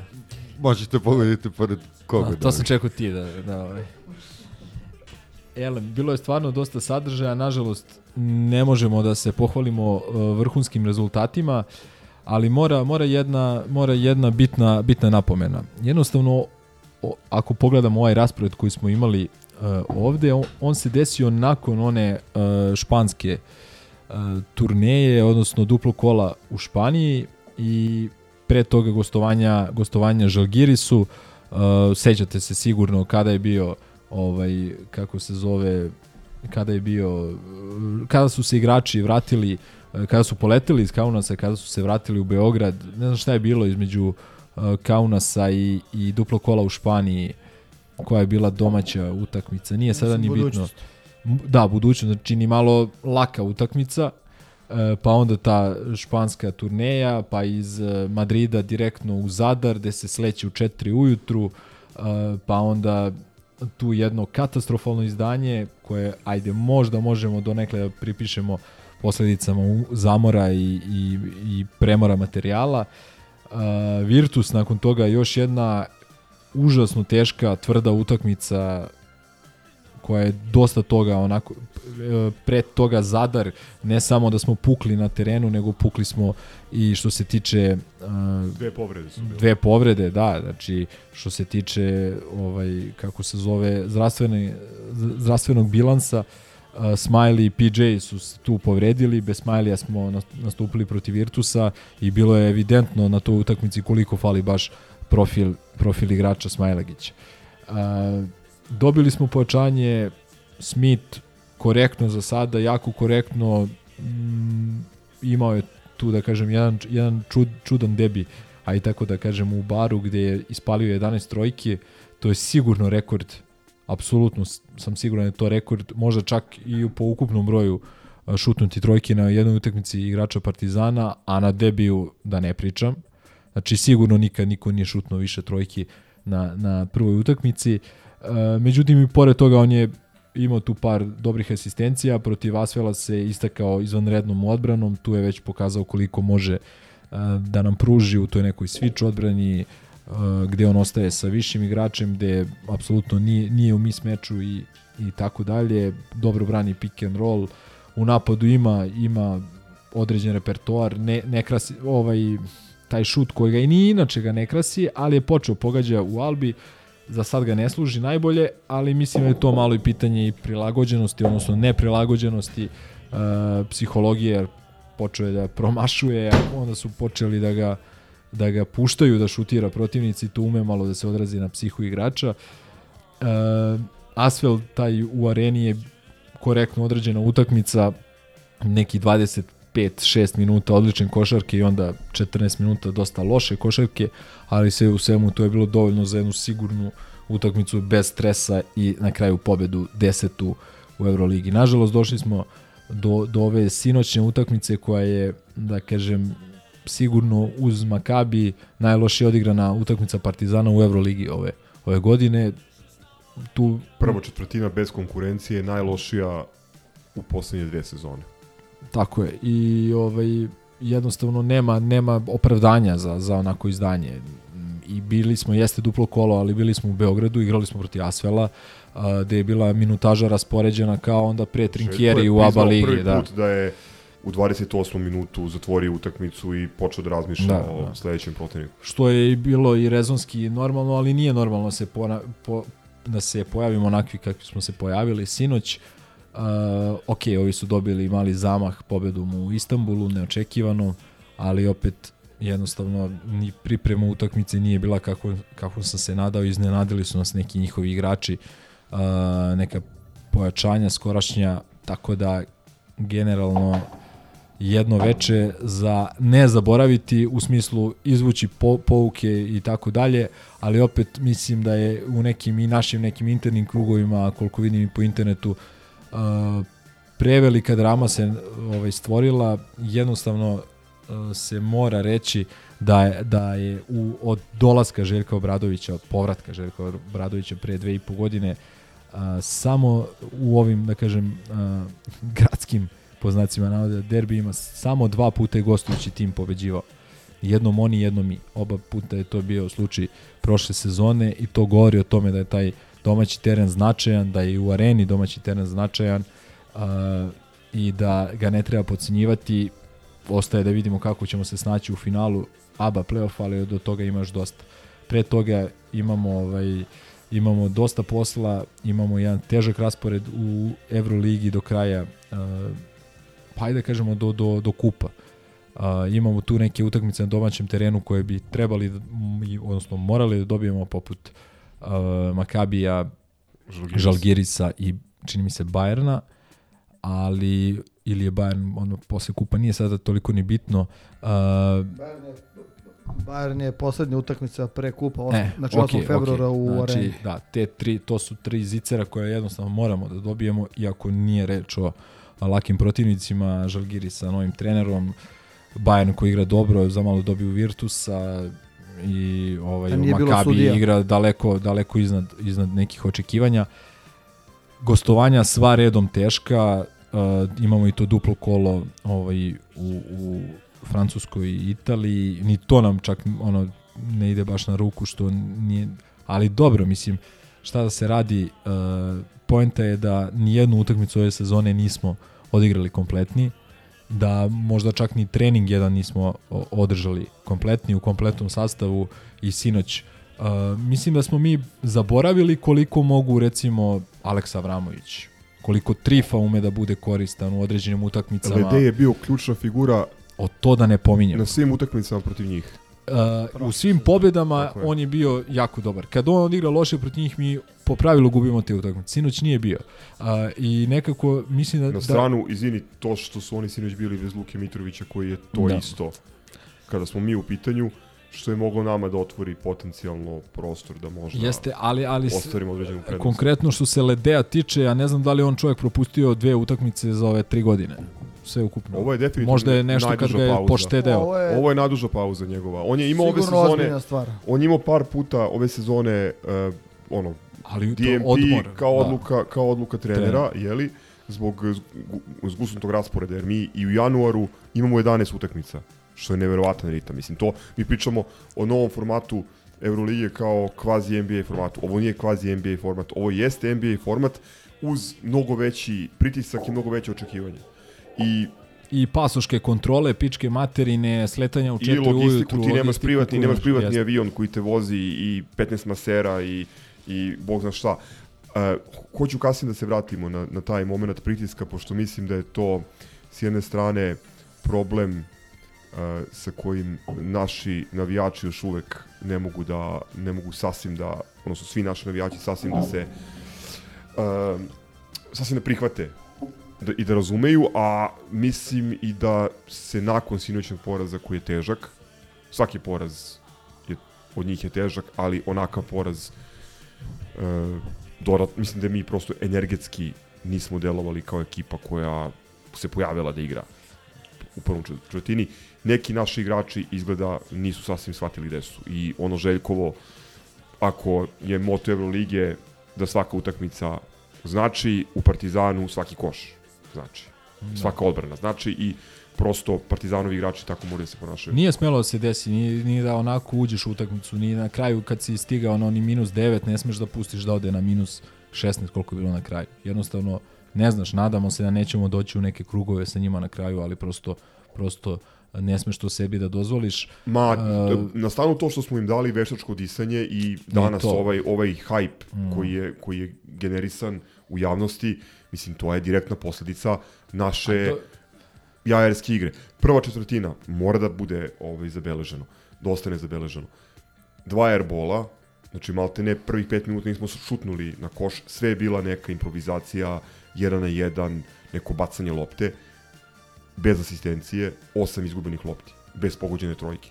Mislim, tako ne može da se igra Ne, ne, ni... užas, užas, užas. Nema, treningu. nema, nema opravdanja, ima obraz, obrazloženja zašto smo izgubili, može da se analizira i treba da se analizira, ali zna se ko treba da analizira. Mi ovde možemo samo da konstatujemo da smo poraženi debelo, apsolutno zasluženo. Uh, ono, suđenje nije nikakav faktor bio i ovaj to treba istaći isto. I teško ćeš imati bolje suđenje Jest. protiv njih. Doduše, u sve četiri, evo sad ova Evroligaška duela s njima u ove dve godine, uvek je suđenje bilo izuzetno dobro.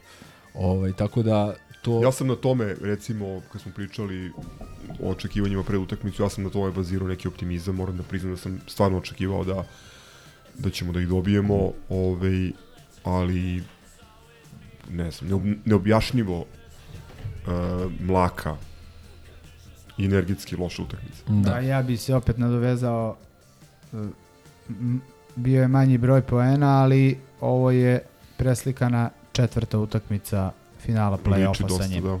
Znači, gde smo mi Jurili se, prednost celu utakmicu. Ma nismo uopšte jurili, znači da se nalažemo, mi smo prednost juče jurili u pet minuta posljednje četvrtine i ono pred kraj poluvremena kad smo kao prišli na, na, na pa su oni vezali one dve, tri trojke i slično. A ovde bomba, o, Panter ukrao loptu, imali dva šuta za, za minus šest na tri minuta do kraja. To su bili ono, ono, trze i ovaj, polu mrt- mrtvog pacijenta da kažeš ovaj kako smo sinoć izgledali ali opet mene ono što raduje ajde da ja sad skočim što kažu dok je Milanko još tu uh, pošto svi gledaju samo negativno uh, ja bi, jedina pozitivna stvar je to što smo nikakvi opet imali šut na, na da uvedemo utakmicu u, u potencijalnu dramu na dva poseda. Dva, Dva šuta, šuta. dva šuta. Tako da da Uh, odbrana je bila katastrofa, prvo poluvreme, drugo poluvreme, ovaj, da, da ne citiramo ove debile e, da se igra dve četvrtine, tri četvrtine, ali drugo poluvreme kao izolovana celina je bilo više nego pristojno, pogotovo posle onakvog prvog poluvremena. Ovaj, tako da odbrana meni kao lajku ovaj, sve ukupno je na kraju bila onako uh, je, 2 plus, ali je napad bio onako za, za, za, za avgust, bukvalno, za ponavljanje. Samo još jedna stvar, pa ću da pustim Milenka, pošto im da se meškulju u stolici, da, ovaj, da se zaleti. Ako smo prihvatili rezon da su nakon putovanja, napornih utakmica dupli kola, um, utakmice u ABA protiv Mege, protiv Gokeje, protiv Zadra, za neke igrače manje bitne ili nedovoljna motivacija. Nijedna utakmica protiv Čovićeve franšize, nebitno u kom takmičenju, ne može da bude to. I sad ja ne znam da, da li je stvar u razgovoru sa stručnim štabom ili psihologom ili sa senior managementom ili sa nekim petim, neko jednostavno igračima mora da objasni da kad igraš s njima da moraš da moraš da pokažeš e, najbolje što možeš u datom trenutku, bez obzira na, na, na položaj na tabeli, da li se igra za trofej, ne, da li je polurevijalna utakmica kakva nikad neće biti i tako dalje. Da, s tim što ovaj, danas smo baš imali dosta ra rasprave konstruktivne na tu temu eh, na ovoj našoj, našoj Viber grupi eh, gde je Tufi recimo lepo rekao da generalno sad se priča o nikad gorem, nikad nezainteresovanijem, najsramnijem partizanu u istoriji. Ja tu priču slušam svake godine. Svake godine mi smo, svake godine od njih gubimo bar jednom na ovaj način. I prošle smo, i pretprošle smo. Što nije dobro. Pa nije dobro, ali hoću da ti kažem kad igraš s nekim 10 utakmica, a dobili smo mi njih e, dobili smo mi njih ono 30 i nešto razlike je bilo u onoj sezoni kad nismo ništa osvojili, prvoj Željkovoj. Kad smo bili Tako je. ekipa, kad, kad su ih sudije spasle da ne bude preko 40 razlike. Ovaj, dobili smo ih prošle godine sa minus 22, okrenemo na plus uh, 11. Mo, mislili smo da možda ode i na 16, 18 razlike i, ta, i tako dalje. Dakle, jednostavno na taj veliki broj utakmica, kao i sezona što je gore dole, tako i ti međusobni dueli nekad će ići levo, nekad desno.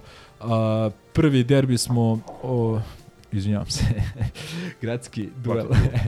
ovaj, o- odigrali, odigrali, odigrali, da kažeš, sa rovitim pan, sa Panterom koji se tu povredio. Uh, Igrao je Rovit, u stvari, on je već igrao Rovit pa je dobio još dva udarca. Pa drugi, uh, bez Pantera uh, i možda još nekoga, evo, sinoć smo bili bez tri igrača, od toga jedan Ledej, uh, tako da treba malo podrške. Tanka je linija između katastrofalne utakmice i nezainteresovanosti. Uh, Sad nekome više liči na jedno, nekome na, na, na, na ovo drugo. Ma, bio je realno miks. Miks.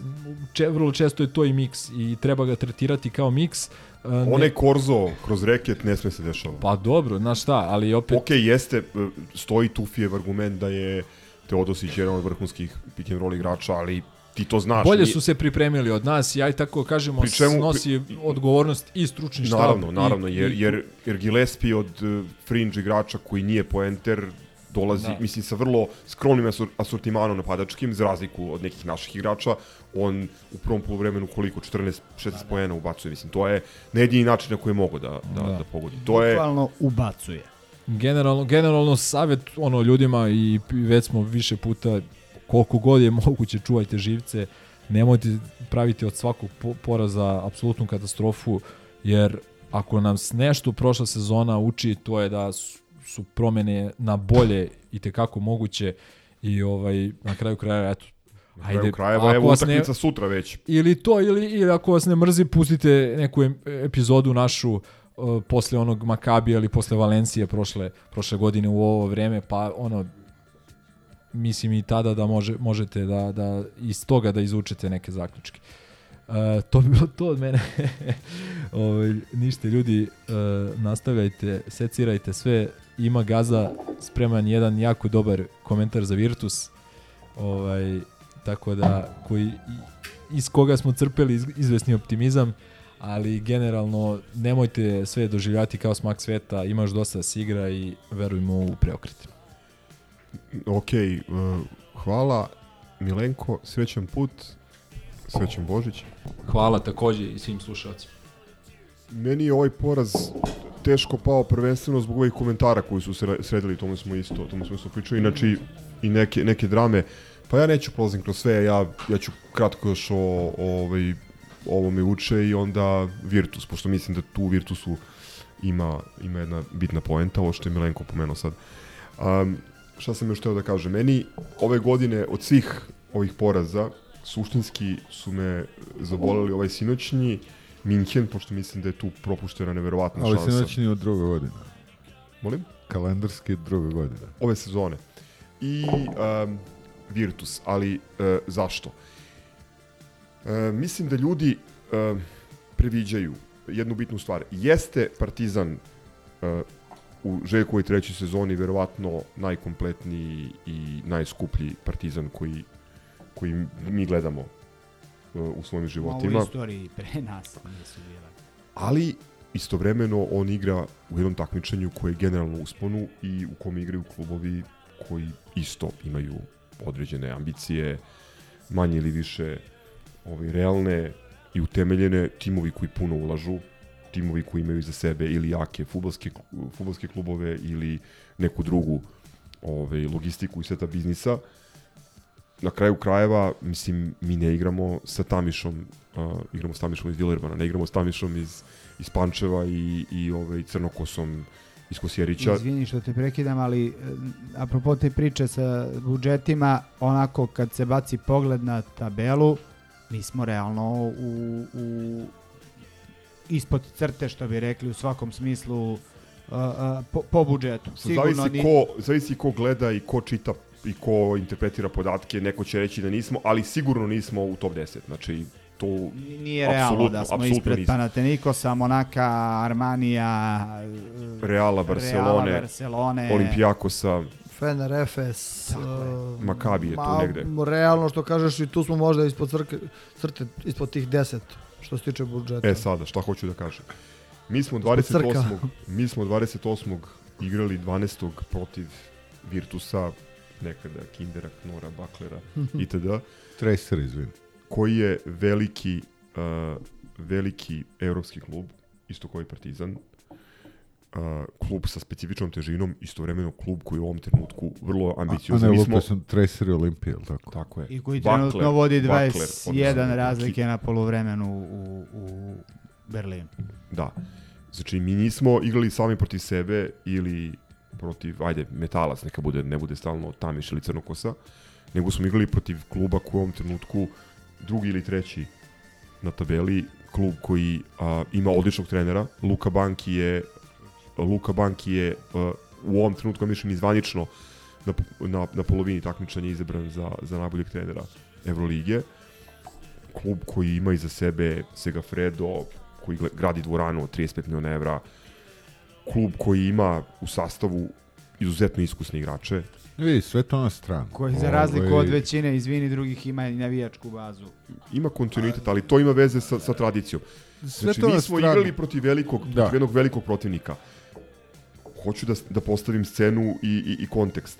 Ljudi zaboravljaju često da smo mi protiv tog velikog protivnika igrali oslabljeni, igrali, uh, oni su očigledno dobro pripremili utakmicu, imali su jako, ovaj, hajde, eufemizam da iskoristim, imali su uh, jako dobro suđenje, da ne kažem nešto, nešto oštrije. I mi n- uz jako slab napadački učinak naših ključnih igrača, koji su šutirali trojke, ako se ne varam, 14-2 ili tako nešto, mi smo imali šut za pobedu. Ne, baš sam to htio kažem, na, na stranu ceo taj uvod, mislim, koji jeste bitan i a, nekako Virtus je protivnik koga ne mrziš, nego koga poštuješ. Jer za razliku od ovih španskih prevara, i to, to, to je stvarno klub koji eto iza sebe ima i, i navijače, mada a sad onaj fun fact o kome smo pričali, oni su, oni su onaj građanski. To jest kada se šetate normalno bolonjom, svi da kažeš normalci, nama bliski ljudi navijaju za Fortitudo. Ovaj, tako da bi mi verovatno navijali za Fortitudo, mada ko zna kako je podelo u Bolonji. Ali, ovaj, anyways, a, bitno je da su oni u tom momentu bili recimo treći na tabeli, u odličnoj formi. Mi smo odigrali jako lošu utakmicu. Znači, tu jednu utakmicu smo jako loše odigrali i bili blizu. Mislim, to nije razlog za pesimizam, majkom Bože. Nikako. Tako da ovo je jest poraz koji teško. Teško pada kad ti opet i ponovo neizvesna i da nije bilo ovog nesrećnog tamiša, ono malo, malo onog antistres. Mislim, ono, nama je svaka ta evroligaška osuđeni smo na stres. Tu je zaista problem u nerealno postavljenim očekivanjima i to što iz nekog razloga e, mi konstantno idemo iz nedelju u nedelju od jednog ekstrema priča o Final Fouru i osvajanju Euroligije, Željkovoj desetoj, do toga da je u pitanju najgora sezona, nikad postali- gora selekcija. Ljudi su postali TikTok. ljudi su poslali TikTok, concentration span, čak i maturi ljudi ovaj, su, su pogubili uh, umeđu vremenu strpljenje, koncentraciju i sve, i sve instant. I znači instant su i raspoloženja. Mislim, gledaj, ono kao setite se gde smo bili na ovaj dan prošle godine. Jeste, pukli smo sramno od, od glibulje, nisam gledao naravno, ovaj, ali sam bio kreten pa sam onda pročitao sve grupe i, i sve mi je Bolje da jasno si i bo, bolje sam gledao. Bolje sam bio Realno. u hali tamo pored Đuki Bizona, majke mi, nego sam čitao one komentare. Ali, samo nešto, pošto je, pošto je Milenko promenio format emisije, sad smo pretrčali, imam jednu triviju za Zadara, vidio sam da, da nisam usamljen, a, to je ono što ne bih uradio nikad da sam u hali ili na stadionu, nikad nisam izašao ranije, ali Zadar sam negde početkom treće, a, četvrte četvrtine isključio TV. A bukvalno ono, ako vi nećete da igrate, a neću ni ja da gledam. Ono je Dakle, stvarno- Željko je poslao ono je sramno rezervne, da. rezervne Da. ono, 6. 7. 8. 12. igrača na, na parket. Da, ali... Jer je shvatio da, ono... Jeste, znači jezivo, znači odustali smo. Nema nećemo, osnova da- Nećemo se bavimo time, igramo. pa neću onda ni da gledam, jer nekako ne volim protiv Zadra da izgubimo, a zato što su pogani. Po, ne, ne, uopšte nema s tim, ja sam, a, da si došao ranije, čo bi, kad sam rekao da su grobari svi Hrvati, ovaj, ne radi se uopšte o tome, ovaj, nego prosto oni nekako suviše sejre, oni su od onih, od onih likova, draže mi da izgubimo od Sibone 10 puta nego od Zadra. Pa dobro, zašto se ne dešava puno u tom Da, važnom da. mestu. Pa. A Ne, ne, dobro, gledaj- sve je to okej, znaš, ali, ali ovaj, ono, Ja bi da se vratim samo Baš- na, na, na, na, na Virtus, a to je... I ne taj- može ja sad uzu Zadar, sad pričamo o Zadru. Ovaj, ne može Kaži, sad. kaži šta imaš o Zadru. A, ništa. Znači, ne, ne, ono, davno prošlo vreme, što kažu, ovaj, prošla godina već. Nego ja bih hteo za Virtus isto da napomenem jednu stvar, a to je ovaj a to je to kako je e, u tom trenutku već drugi klub Euroligije, odnosno kako su njegovi igrači e, proslavili tu pobedu i dočekali svoje igrače, znači nije to bila prva pobeda u gostima, čini mi se da sam pogledao da li četvrta ili peta u ovoj sezoni, dočekali su igrače Kao mi kao naše mi posle Madrida, Madrida. što je bilo doigravanje, što je bilo uh, 0:2. 2-0, 0-2, jedna pobjeda od Final Fora, oni su uh, mene mnogo smara i, i, i donekle me i vređa to što očigledno uh, cijela Evropa više ceni i poštuje Partizan nego što u proseku navijač Partizana poštuje svoj klub kada krene, kada dođe neka iz ovih ili onih razloga opravdano ili neopravdano loša serija i loši rezultati. Znači, ako e, drugi klub Evrolige trenutno, zasluženo, više nego zasluženo, klub koji Real je trenutno po rosteru i po igrama neka druga dimenzija ovaj Evrolige trenutno, svi očekuju neki pad Bože zdravlja na proleće, da može i s njima da se igra, ali ovi su, imaju najkonstantnije, pored, ako izuzmemo Real Madrid, formu, igre, rezultate, imaju očigledno i status za razliku od, od nekih drugih većih klubova od njih i kod sudija, kako njihovi navijači to doživljavaju. A mi sa druge strane, ovaj, bukvalno TikTok varijanta. Danas je ovako, sutra je onako. Danas su šampioni Evrope, sutra opraštanje od kupa, ovaj, pogledat ću neke ovde i slično. Ma, ovaj, se zakupi, treba da ga ma dobro, nego... Tu ima još jedna stvar koja, koja se zapatila, to je uh, mobingovanje nekih naših igrača, konkretno mislim ne Aramaza i to po inerciji. Ok, uh, možemo da pričamo o tome kakav je njegov učinak, možemo da... Očigledno da ima problema, ali očigledno je poslednjih uh, par utakmica da dolazi do nekog Ma ne, igra, boljitka igra bolje i, i na kraju krajeva, to, to je. kada se vrati Avramović i sada sa, sa Smithom, kada on bude integrisan, neće igrati, nije on doveden da igra 35 minuta. Mislim. Upravo to. I druga, I druga stvar, ako verujemo, ako, znači ako je stvar od koje polazimo u svaku priču i koja je nepobitna, da je Željko Obradović najveći i da zna najbolje, ako on vidi Jaramaza i, i, i nalazi mu ulogu u euroligaškom projektu Partizana, hajde da sačekamo, mislim da vidimo Ja Garancije bi ni za samo- što u životu nema. Tako je, e, osvrnuo bi se na dve stvari, a to je ono što brat Skole kaže, u junu ćemo podlačiti crtu da li je sezona uspešna ili neuspešna. Mi bi svi voleli da to bude i Berlin, i, i Final Four, i ABA Liga, i da redovno gazimo sve pojavne oblike kluba i železnika, ali jevi ga, realnost je drugačija. Sport je prosto, po- podlačit ćemo crtu kad se sezona završi, a ne u januaru posle e, dva poraza 10, ili, 9. ili jednog poraza, da. Ovaj, e, prosto ljudi mnogo svi se osvrću na, na ciganske medije, a podležu i tekako Ma, svim tim je- je Pa nije dobro. Kad pukneš od njih, onda je to Stoji. opšta nervoza. Opšta nervoza, ali ljudi mnogo počinju da veruju ono sa čim se inače sprdaju. Da, ali znaš šta? Ali izvini, izvini, samo još i ovo. A druga stvar, indirektno i vezana na, na stavku hrvatski reprezentativac.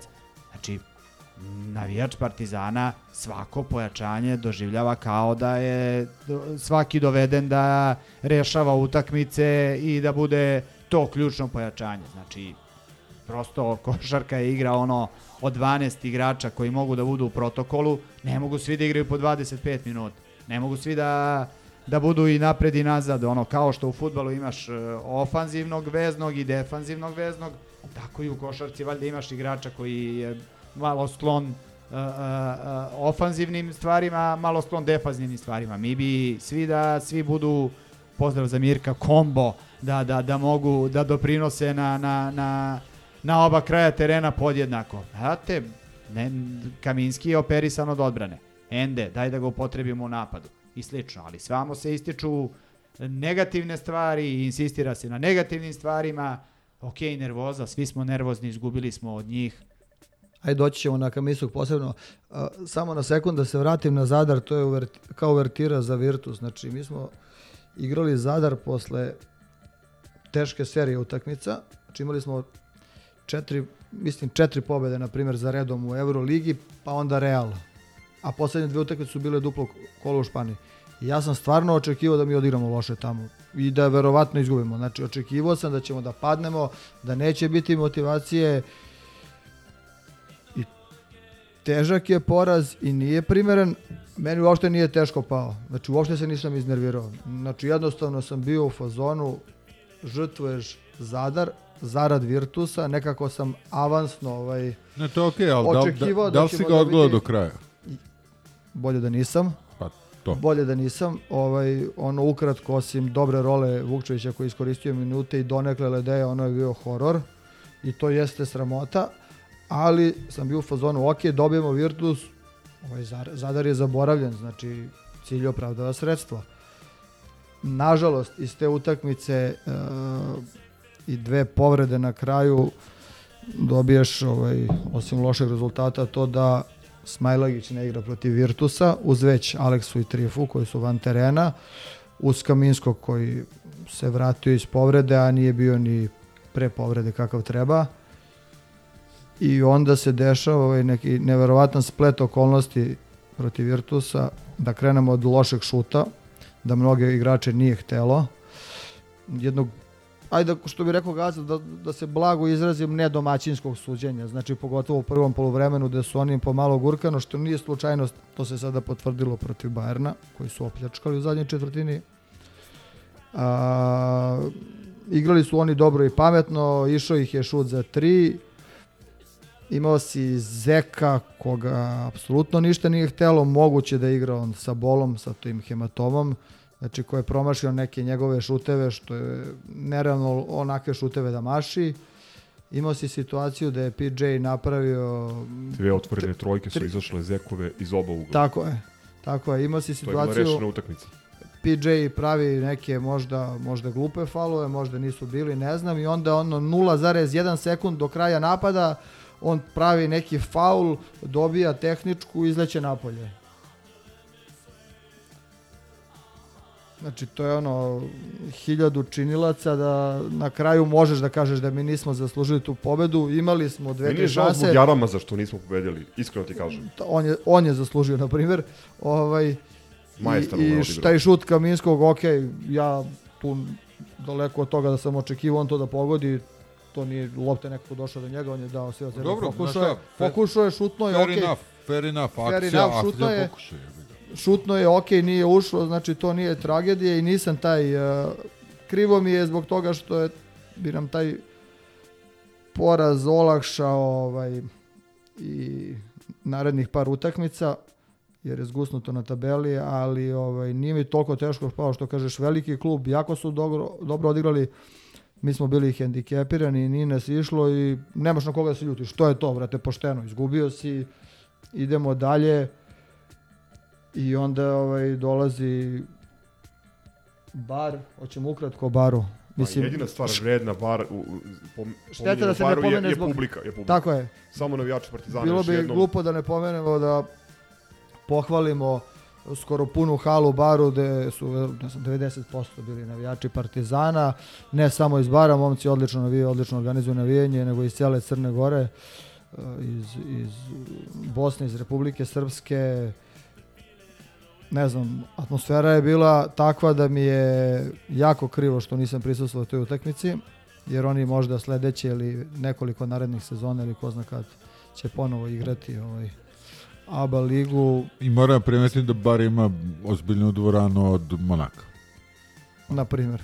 Što nije mnogo teško. Ne, ne, svaka Pa čast, stvarno je, ali- stvarno je ono bilo ono uživanje i gledati na TV-u, verujem i za igrače, ono da su tu smo opet bili malo ono i umorni i opet si se čuvao za, za ovo duplo kolo, ali ono jedno da kažeš ono korektna igra s obzirom da su i oni je, slabi ove sezone dosta, ali Ma jedva sakupljeni. A? Jedva sakupljeni. jedva sakupljeni, ali opet igrali smo sa nekim motivom, verovatno zbog tih ljudi koji su bili dole i baš jedna lepa slika ovaj, i posle te poruke sa tribina. Eto. Svaka čast za tu organizaciju dole.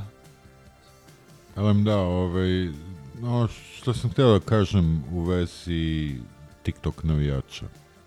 To uh, jako kratkog fitilja prosječnog navijača, ne, ne prosječnog parti, navijača Partizana, ovih naših drugara koji su ono baš grobari do koske.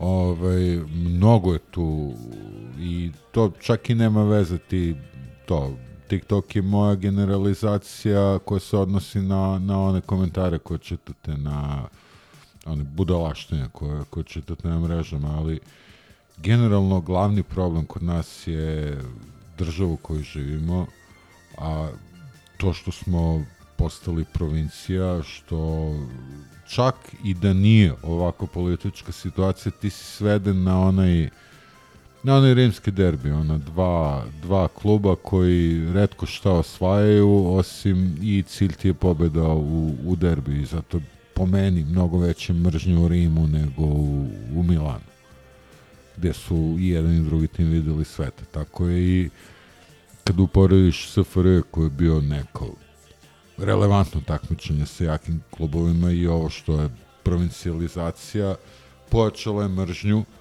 a onda je sama politika i samo ono što je zvezda, a to je a, prosto, prosto, da, da, da, zvezda i, i, i razne franšize koje se tako zovu, a, što je obesmislilo sport, a, i onda ti više a, ne gledaš sport, nego je tu umešana i politika i mržnja ka, ka sadašnjem režimu i, i ka ovim odvratnim njuškama koje, koje vrebaju tamo iz partera i, i da, pa dobro, neće, ne, neće nam banovati emisiju sa javnog servisa, pošto tako da ovaj, a, dovedeno je sve do toga da, da ti to ne gledaš kao sport. Ti ne možeš da kažeš, pa dobro, loši smo bili. Kažem, nisam gledao, ali koliko sam shvatio, bili smo loši, izgubili smo, fair enough, ok, boli poraz od... Ali da nije svih tih svinjarija, ovaj, sve bi bilo drugačije. Da znači, nije. i gledajte to tako, znači, kad, eh, tako da pokušavam da, da obrazložim zbog čega toliko teško pada, a, a nezasluženo a mnogo buki se podiže oko toga, jer jednostavno a jedna stvar je derbi je derbi i sve to tradicija derbi i to ima svoju težinu. Ali kao što znamo u basketu to već i više nije derbi, pa bi se moglo osporiti. ali ta druga To da. stvar gde, gde će tebi ovaj a, a, skraćeni Vesić da, da pozira u praznoj kafani sa ovim ružnalom koji deli, mislim, to su stvari koje ljudi izvode iz takta i zbog čega ono Se ne mogu puni arena i nadam se da će se puniti i dalje. Ma, koliko za E, Makabi i još jedna stvar, još jedna zanimljiva stvar je, a, o, oni su napunili arenu na, na, na inat, ali na kakav, na veštački inat, čoveče. Oni su, oni su fabrikovali situaciju da se oni bore protiv a, a, povlašćenog državnog kluba.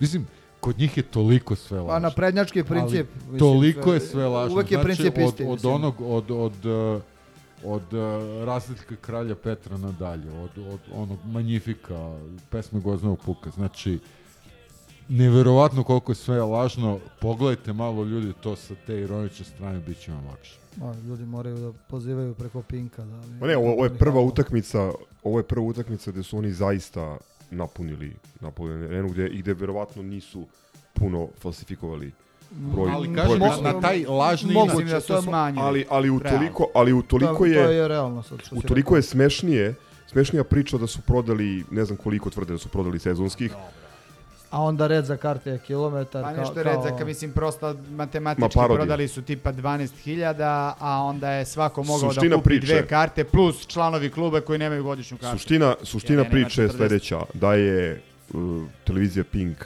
u svom informativnom programu davala instrukcije Onda nije bila montaža. jel? kako da se obučeš. Jel, a? Nije bila montaža. Jedino ako nije bilo 2-3 dana pre. Ja. Jel stvarno Nisam ono bio lenj što ili... kažu ono, ajde da, da malo... Ne, pošto bilo je ona fora prvo sa Vučićem koji prikazuje. A, dobro, ovaj, to- to to- znamo da mit. montaža. Ali- ali nisam bio lenj Ne da- znam za, za, da- za, da li je stvarno bilo. Dan pre utakmice sam prelistao te njihove informativne emisije samo da... da, da Kakav kaskader. Pa dobro, kaskader u smislu dovoljno mi je bilo samo da im dali ista To, gospođa kamikaze. u, u istom tom, uh, pogledao sam sliku i gledao sam, to nije bila uopšte taj dan, dan pred utakmicu ta gospođa nije bila, u- znači da ne budemo kao oni. Neću biti lenj, eto posle uzet ću domaći zadatak da pogledam i dan pre, Ok, dobro- ali, dobra ali fora, mislim sve. da je, da je Dobro, dobra fact fora, checking. da. Ali u svakom slučaju, uh, oni su napunili halu, jer im je u goste došao Željko Bradović i najbolji ofenzivni tim Euroligi. Što, mislim, što je ispravno. To se dešava i u drugim Ne, ne, ali ne bi zbog toga, ne bi zbog toga, ne bi zbog toga a, a, dopunili su srpskim inatom. Znaš, to je ona reč koja ne postoji u engleskom. Naravno. Osim što postoji spite, recimo. Ali, ovaj, ali inatom a, u inat državnom projektu. Pa pazi tu konstrukciju, jevate. Pa to je predivno. Tako da, ajde malo iskulirajte, ono, shvatite a, koliko je ta situacija grote, groteksna Groteskna. a, Gro- gro- grotska, se, okej. i paradoksalna i koliko je sve to ono malo, malo se pomerite iz toga, ono malo iskoračite iz svinca, udahnite vazduh. Ne, kad sve to pogledaš, zaista je teško u svetlu svega sebe uberiti da je to samo sport, pošto to nije samo sport. Apsolutno nije, to je- jer oni to nemaju deo- nikakve veze sa I to je sportom. deo, i to je deo to- problema. to je tvoj stari ali, priča. Ovaj, naravno, ali e, gledamo mimo njih, mislim, oni su, oni su provincije, mi gledamo sebe, e, malo, malo realnosti malo samosvesti i samorefleksije. Evo, idemo u, u ovaj, Istanbul, igramo protiv Fenera, nismo unapred zabeležili pobedu, nemojte da, be, da unapred beležite pobedu, igramo protiv tima koji je trenutno peti, ja mislim, na tabeli, Pa iznad nas u svakom slučaju. koji, protiv koga jesmo odigrali neke jako dobre utakmice na strani ranijih godina, ali, ovaj, ok, sad ne, nema i tudi se da pusti, ali... Ali uh, pustit će njih željko. Uh, ajde da, da idemo utakmicu po utakmicu. Uh, ovaj, ja duboko verujem u to da ovaj tim ima mnogo više kvaliteta nego prošlogodišnji i mnogo, može mnogo toga dobrog da napravi. Uh, nadam se da više neće biti nepretnih iznenađenja i povreda i da ćemo konačno da li od Makabija ili od Kaunasa da kompletiramo ekipu i da, da će Željko konačno biti na slatkim mukama da od 15 igrača na raspolaganju može da prilagođava izbor 12-orke protivniku, formi, taktici i tako dalje. To bi bilo, mislim, to bi bila jedinstvena situacija u kojoj mi kao klub nismo bili, ja mislim, nikada. Da imamo toliki izbor kvalitetnih igrača i da imamo toliku rezervu u smislu i ofenzivnog i defenzivnog potencijala. E, moram samo na kratko da se vratim na, na ovaj uh, meč uh, s Proću Glibulje i da kažem da uh, ok, rekao sam treba to doživeti onako, treba se malo izmeći, ali da, da kritika zaista stoji uh, i za onu izjavu PJ-a koja je svima podigla tlak na, na 300 sa 200 i na taj neki mlitav pristup i na to, to jeste fail i Željka i stručnog štaba celog i PR službe. Ne može se tako, znate šta je ta utakmica, znate šta ta utakmica znači vašim navijačima, a to mora da se spremi, to mora da se zna, ovaj mora da zna u napred da ne sme, kao što su mu lepo objasnili, nosi ne sme da obuče trenerku. crvenu trenerku, tako mora da zna da ne može da kaže da mu je bilo zabavno za Boga. I to jeste jako veliki fail. Mislim, da se ne lažemo. Dobro, to niko ne spori. Celog, čak ni ja ne znači, sporim. kao, kao i što jeste, znači, Željko... Rekli smo, Glupo ja svaka kritikom Željka, sa ali, njima u ali kriterijima izvini, je- da, da. Je utakmica da. koja mora najozbiljnije da se shvati, nema Znači, priče. hoću da kažem da, ko sam ja kritikom Željka, ali ne mogu tako ti uđu igrači u, u, u tu utakmicu. Ja mislim da je Željko sinoć bio um, naj... Uh, ću se meni bio je bordo boje, ali najdirektnije je bio na konferenciji štampu. Čak je i onu Radu Nikolić ov, ometlao, odjebao onako iz, iz lakta. Ove, mislim da su propišali majčino mleko ili dohranu jutros na, na treningu Nadam se. ali stvarno neke stvari moraju da se da se objasne da se ne ponavljaju. Kažem, ako je Ma neke stvari moraju da se promene. ako je razumljivo, ako je razumljivo da su umorni posle leta, dolaska u 4 ujutru, da nekome da nekoga ne pali Nerajica i Gokeja i Ma dobro, ti i možeš Mega, protiv Zadra da izgubiš, to je utakmica, samo to. ali A ovo, ovo, ovo, ovo, mora ne se zna da je više Ovo ne sme ovako, to. ovo ne sme ovako. To sam htio da repliciram e, Lemziju, ovaj, ali ovaj, nije bilo vremena. A, ćuti Okej, samo kad ode. Ćuti samo kad ode. Znam što je htio da kaže, igrali smo ovaj, 10 utakmica sa Mutantom i Železnika prošle sezone i logično je da jedno odigraš slabije, da padneš, da i da razlika bude veća, sve je to okej. Znači, ovo nije utakmica u ABA ligi, ovo je utakmica u Euroligi. Znači, to je pod jedan, da li gostuješ njima ili Valenciji, ti si u Valenciji izašao motivisaniji, sa više hrabrosti i tuko se za svaku loptu. Ta utakmica je bila prava tuča. Znači, ja ne, ne mogu Protiv da... ekipe koja je fajterska. I A dobili smo ih na već način. treću, da se ne vraćamo ovaj, u neke sezone ranije, ajde era od kad je Željko stigao, znači treća sezona da mi odemo ovaj, tamo ili čak ovaj, kup i da odigraš jednostavno kao da si, ne znam da li si nemotivisan ili si preplašen, ne znam šta je. Znači ne možeš tako da uđeš u utakmicu, znači jednostavno se ne vidi reakcija da ti želiš da, da se pobiješ za loptu, nema tehničke, nema namerne, ne, ne u smislu sad da se pobiješ na terenu, ali on napraviš neku glupost, ali znači moraš nešto da napraviš. Znaš, ono je delovalo očajno u prvih tri minuta i bile su jasne mnoge stvari. Znači ja sam bio pesimista posle tri minute, iskreno. Vidio sam da je to to utakmica u kojoj nema krvi. Znači ono, neću da nabijem na kurac kao Vili onda sto puta, ali sramota od klupe preko kluba do terena. Znači ono je sramota, znači ne može onako da se igra. Brate. Vidiš da može. Nije, nije, nije bitna razlika. Mi smo spustili na 9, moglo da bude i 6 na kraju i 12. Ok, ako se ne varam, mi smo u Euroligi dobili njih dva razlike, tako da nismo jurili ovaj, da nismo jurili tu neku razliku. Ali ovaj, baš sramota. Majke mi ti kaže, meni je to baš ono onako teško palo. Kažem, ne samo, nisam ja upisao tu pobedu nikako. Ja sam, meni je krivo bilo poraz eh, protiv Bolonje mi je bio kažem, nije bio toliko težak, ali mi je bilo krivo zato što sam računao da ovde možda izgubiš, pa da vežeš dva poraza. Znaš, ali ovaj, onako ponašanje na terenu, znači jednostavno ne može. Izjava PJ Dozera, ok, znači neko iz kluba mora da mu objasni, on stvarno to neće sam da skapira. I jasno mi zašto, bre, to je druga dimenzija, hod do kokice, zabava, šutiraš trojke, završi se, ko pobedi, ko izgubi, nije bitno Znači, neko mora da mu objasni, care ne može tako. Idu na kabezu posle. Znači, Aleksi nije prvi put onakav osmeh, to je nemoguće. Znači, ono, ima i pijeteta prema navijačima, smrkni se, pruži ruku, pozdravi se i izađe napolje. Zanima nas reprezentacija i ta drugarstva. Nas to stvarno ne zanima. Jebe nam se za Srbiju i za reprezentaciju. I za drugarstvo sa Podvlači. ci- mrtvim ciganima. I potpisujem. Znači, okej, privatno, ako si baš dobar drugar, Imaš da slačionicu i tunel, pa- slačionicu, znači mi to ne želimo da gledamo. Imate kupatilo, Znači, sločovicu. utakmici Euro lige protiv bilo koga, a posebno na ovakvoj utakmici imao si punu halu i motiv, nisi imao snajper na glavi, nemam pojma o čemu se radi. Mislim, ako je bilo nešto, neki izađu pa ne kažu, ali nisi imao. Znaš, Ma na kraju krajeva čeče vređuju ti saigrače, vređuju ti trenera. okej, Ne, ne, ne, nije okej. Mislim, šta je smešno tu?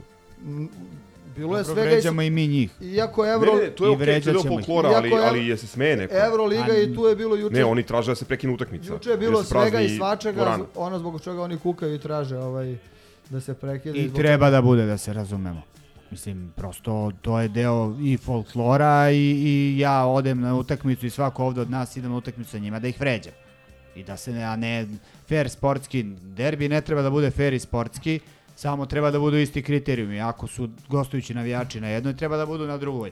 Ako e, o, mi vas vređamo, vređajte i vi nas, ali nemojte vi kao pičkice da, da, da zovete Čovića, da zovete Vučića, da se žalite i da tražite se prekine utakmica za iste i, i manje gadne stvari. Dobro, svako brani svoje legende, odnosno svako Ovako, vređa Dobro, ali, legendu drugog ali, kluba. ali apsolutno, na, ho- hoću to da kažem, to je sve deo derbija i, i ćao zdravo. Vidi, da, da se razumemo, a, ja sam a, izrazito protiv ovog derbija bez gostujućih navijača.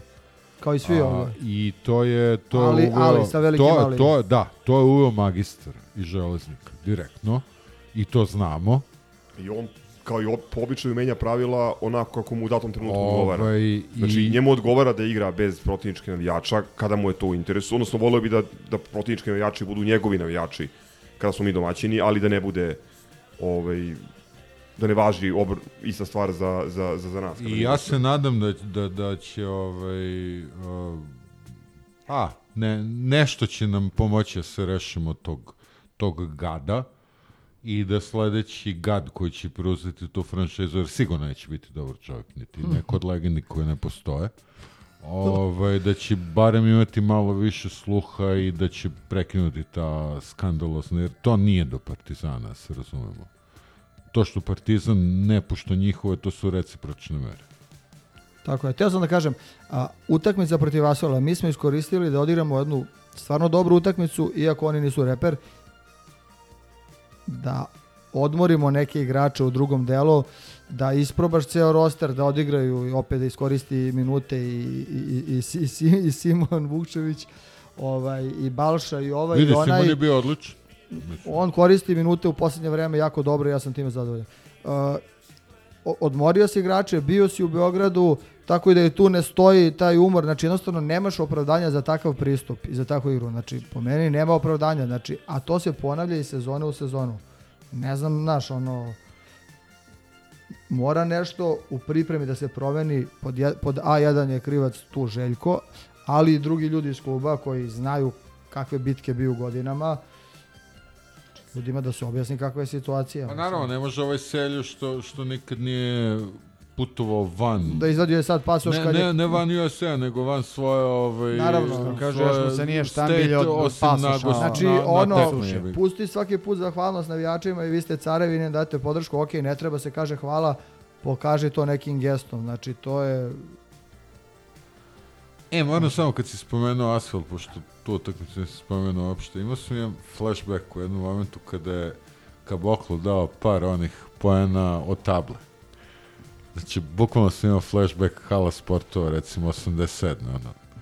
Divac, divac ili Juri, pa, divac ali, ali pre da. svega di, divac palja, ali pre svega divac, onako table da, daje koša. Iskosa kao iz digne ruku, pa- Apsolutno, ono, znaš kakav flashback dobar. I to je opet bila utakmica kao i ovaj, prva u, u, u Pančevu, ovaj, bez, bez ikakvog stresa, onako praznična atmosfera, dođeš, vodiš 20 razlike, razigravaju se igrači, ono, Meni je tu Što bi rekao- glavni utisak. ali osim te dve utakmice, je li bila i jedna da nije bila stres užasno? Pa, Žalgiris. O, da, Žalgiris je Pa, prilično... Jeste, jeste na kraju lako ispalo, na ali nije, realno, nije, da nije, ne daleko je bilo to što- toga, da, da. Opet, Ali nekak da ubedljivo vodimo. moj izraz prosječan navijač Partizana nabija sebi stres i kad ga nije, mislim, prisustvovali smo ovde i, Milenko prošle sezone, vodimo 18 razlike, otvara se pivo, 4 minuta do kraja, razlika. Ne, ne, ne, Znaš, izvini, izvini, da- nije 4 minuta, 18-4 bi mogla se stigle. To, to je bilo nešto 25 minut, minut i po, a on histeriše jer, a čuti, a šta ako budu trouglovi, pa... Ne, Žalgiris je prilično, s obzirom da je utakmica na gostovanju, je prilično mirno protekla. Ok, oni su se i približavali, ali ono, kako ume da bude... To re, realno bio je Makabi bez stresa, ovaj, u smislu nismo imali čemu da se nadamo. smislu, Pa da. jeste, trećeg pa ne, pa jeste, dobro, to jeste, to je Bio je, okej. bio je E, bez samo je- stresa, ali sa depresijom. Samo jedan I realno, utisak. realno. Jedan utisak O, ove, još u vezi Asvela, uh, to je ta fantastična poseta, uh, prepunjen ponovo ove, prepunjene tribine. Da, da, drugi dan I- praznika, a, drugi Ali šta januar se desilo? i- Šta je i- objašnjenje? I, poslednje mesto na, Šta se poslednje desilo? mesto na tabelu. prijatelju. Nema veze sa poslednjim mestom, ima veze sa tim što su došli ljudi, naši partizanovci iz inostranstva, u, u, u ove, došli kući na Jeste, odmor. tražile se karte više. Pa Bio jest. čak i Men. Čekaj, pričamo Sa o- porodicom. Pričamo i o, i o Vi- Virtusu i o A, Asvelu. prvo o Virtusu. Ne, ne, ne, ne, Asvel, Asvel, To izvini. je bilo 25.000. Ne, ne, ne, ali, ali na Asvelu, na Asvelu, ok, ako za Virtus imaš sportsko objašnjenje zbog čega bi bila, bila ovaj, puna, puna dvorana, ovde imaš ljude, mislim, ja znam dvoje, četvoro ljudi, jeli, koji su, Pa doveo si ih manje više. da, pa jest, ali to su ljudi koji, ono, nisu gledali Partizan jako dugo, nisu bili u prilici, sad su, su se našli u Beogradu i Protiv Asvela je ha, hala bila puna i više od toga, jer su opet stepenici bili popunjeno. Iako se činilo pre početka utakmice prazni kafići oko hale, nema ljudi, otputovali su ovo ono, nije delovalo da će... Pa bio si u pogrešnom kafiću, na, naš, naš je bio puni i radila je Goranka, tako je bilo E, vidi ovo, ja da sam ulazio u halu i pomislio, ok, bit će neka onako poseta, ulazim, opet popunjeno stepenište, opet puna hala. Rekao, ovo je fenomen, jer posle Virtusa, danas sam ovaj, e, to komentarisao sa nekim, daj da ovaj, privatno bi angažovao onaj arhiv javnih skupova, ako može da im se plati, da, da nekako ovaj, odrede koliko je bilo ljudi na Virtusu. Znači, mene lično zanima koliko je ljudi bilo u hali u tom trenutku. Jer e, ne znam da li je na jednoj utakmici prošle sezone, ne znam da li taj Real možda, taj play-off, da li je bilo toliko Ja ljudi. ne pamtim već pot. Nisam siguran, ne mogu sad, e, Real možda i... i Ja nisam bio na Realu, bio ne- sam bolestan, ne, ali... ne play-off, nego uh, u martu. Dobro, Olimpijakos dobro. i Real su dve utakmice s najvećim brojem. Misliš da su bile više nego sad na Virtusu? Ja, Pa tu Pa, negde. od. Olimpijakos- Možda slično. Jer ovo, e, prvo potražnja karata za Virtus, koliko je ljudi zvalo sa strane, dolazi Burazer iz Australije, drugari naši iz Beča, iz Slovenije, Ćerka iz Švajcarske, ovaj, Petar iz Clevelanda. Petar iz Clevelanda. Pozdrav, a, Petre. što familija, što drugara, što onih koji, se, koji te se sete, ovaj, e, gde si, brate, ti si grobar, ovaj, posle pet godina, kad ih treba karta, navala neviđena i kažem, voleo bi da znam da li je to 23 ili 24 ili 25 hiljada, tu samo ima Ma samo 2-3 de, hiljade dece. dece koje su nekog, da kažeš, ajde, školskog uzrasta, na primjer, koje ulaze bez otkucavanja. Evo, opet samo odavde troje dece je bilo na... na, na, na, Na, na Asvelu sam mogao da se uvučem dole, da siđem na stepenice da gledam koliko toliko nametano, ono, Ti vir- si ušao kao dete? Pa A i ja ti sam si nečije dete, kao, to je- je ovaj. Ne, ali smiješno je. Kao duh. Evo, gledam sad, zvanično 20.086. je Virtus. E, uvijek bude Da. to, 20.000 i onda ne, nešto Pazi, sitno. ja ne znam, verovatno Euroligi e, Pa ne smiju da prijave. treba da se prijavi broj 25.000. mesta u hali. Koliko I, ta i hala ima Glibulja je juče prijavila 20.000 i 100 i nešto, a realno je bilo... Da, da. Moguće, verovatno, vrlo verovatno da je bilo više. Ja mislim da je to Kao- prvi, kao nas na prvi Virtusu, put da magistar nije, nije lagao u plus, da je, da je lagao u minus.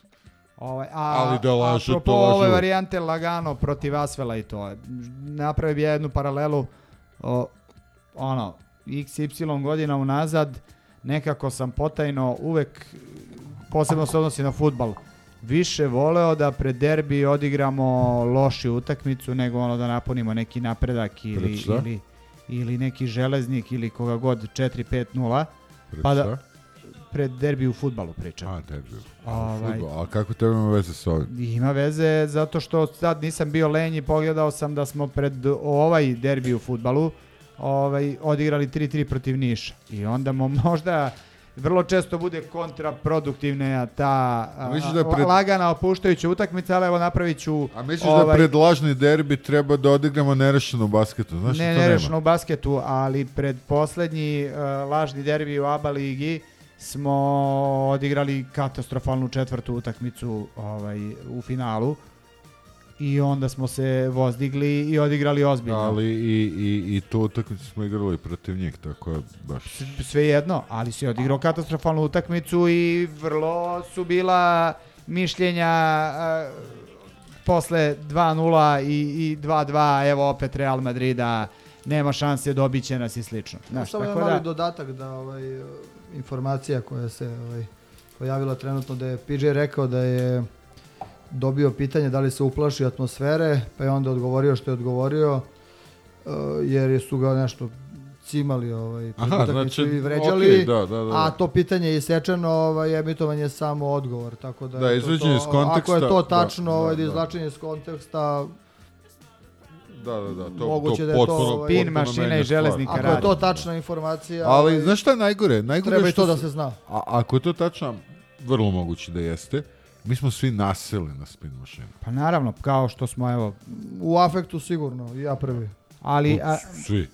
ali u, u besu to, to, to je to. Ali Tako sam, da. kao što sam rekao, vero, mislim, ono, ne ljutim se na njega, ono, zato što Pa ne znam, ni- on baš nije krevan, pa s Marsa. on je možda pored Pantera nešto i odigrao juče, ovaj, i, i Kabokla, nešto odigrao. Sve u svemu ja bih dodao teško je, kao i uvek kad se igra sa, sa njima i Ma njihovim bit će pojavnim teško oblicima. zato što... A, ali, ali kao što reče ovaj Gaz, ovo je treća utakmica, ne, druga utakmica u ovoj godini, je li tako? Treći. Kako treća? Kad smo igrali, igrali smo u baru, smo igrali 30. 30 Da, to je druga. Druga ovoj, u, u, u januaru. Imamo još uh, 10? devet utakmica u 26 9 ili 10, dana. nisam 100% siguran. Mislim da su rekli da je 11. 11 u januaru.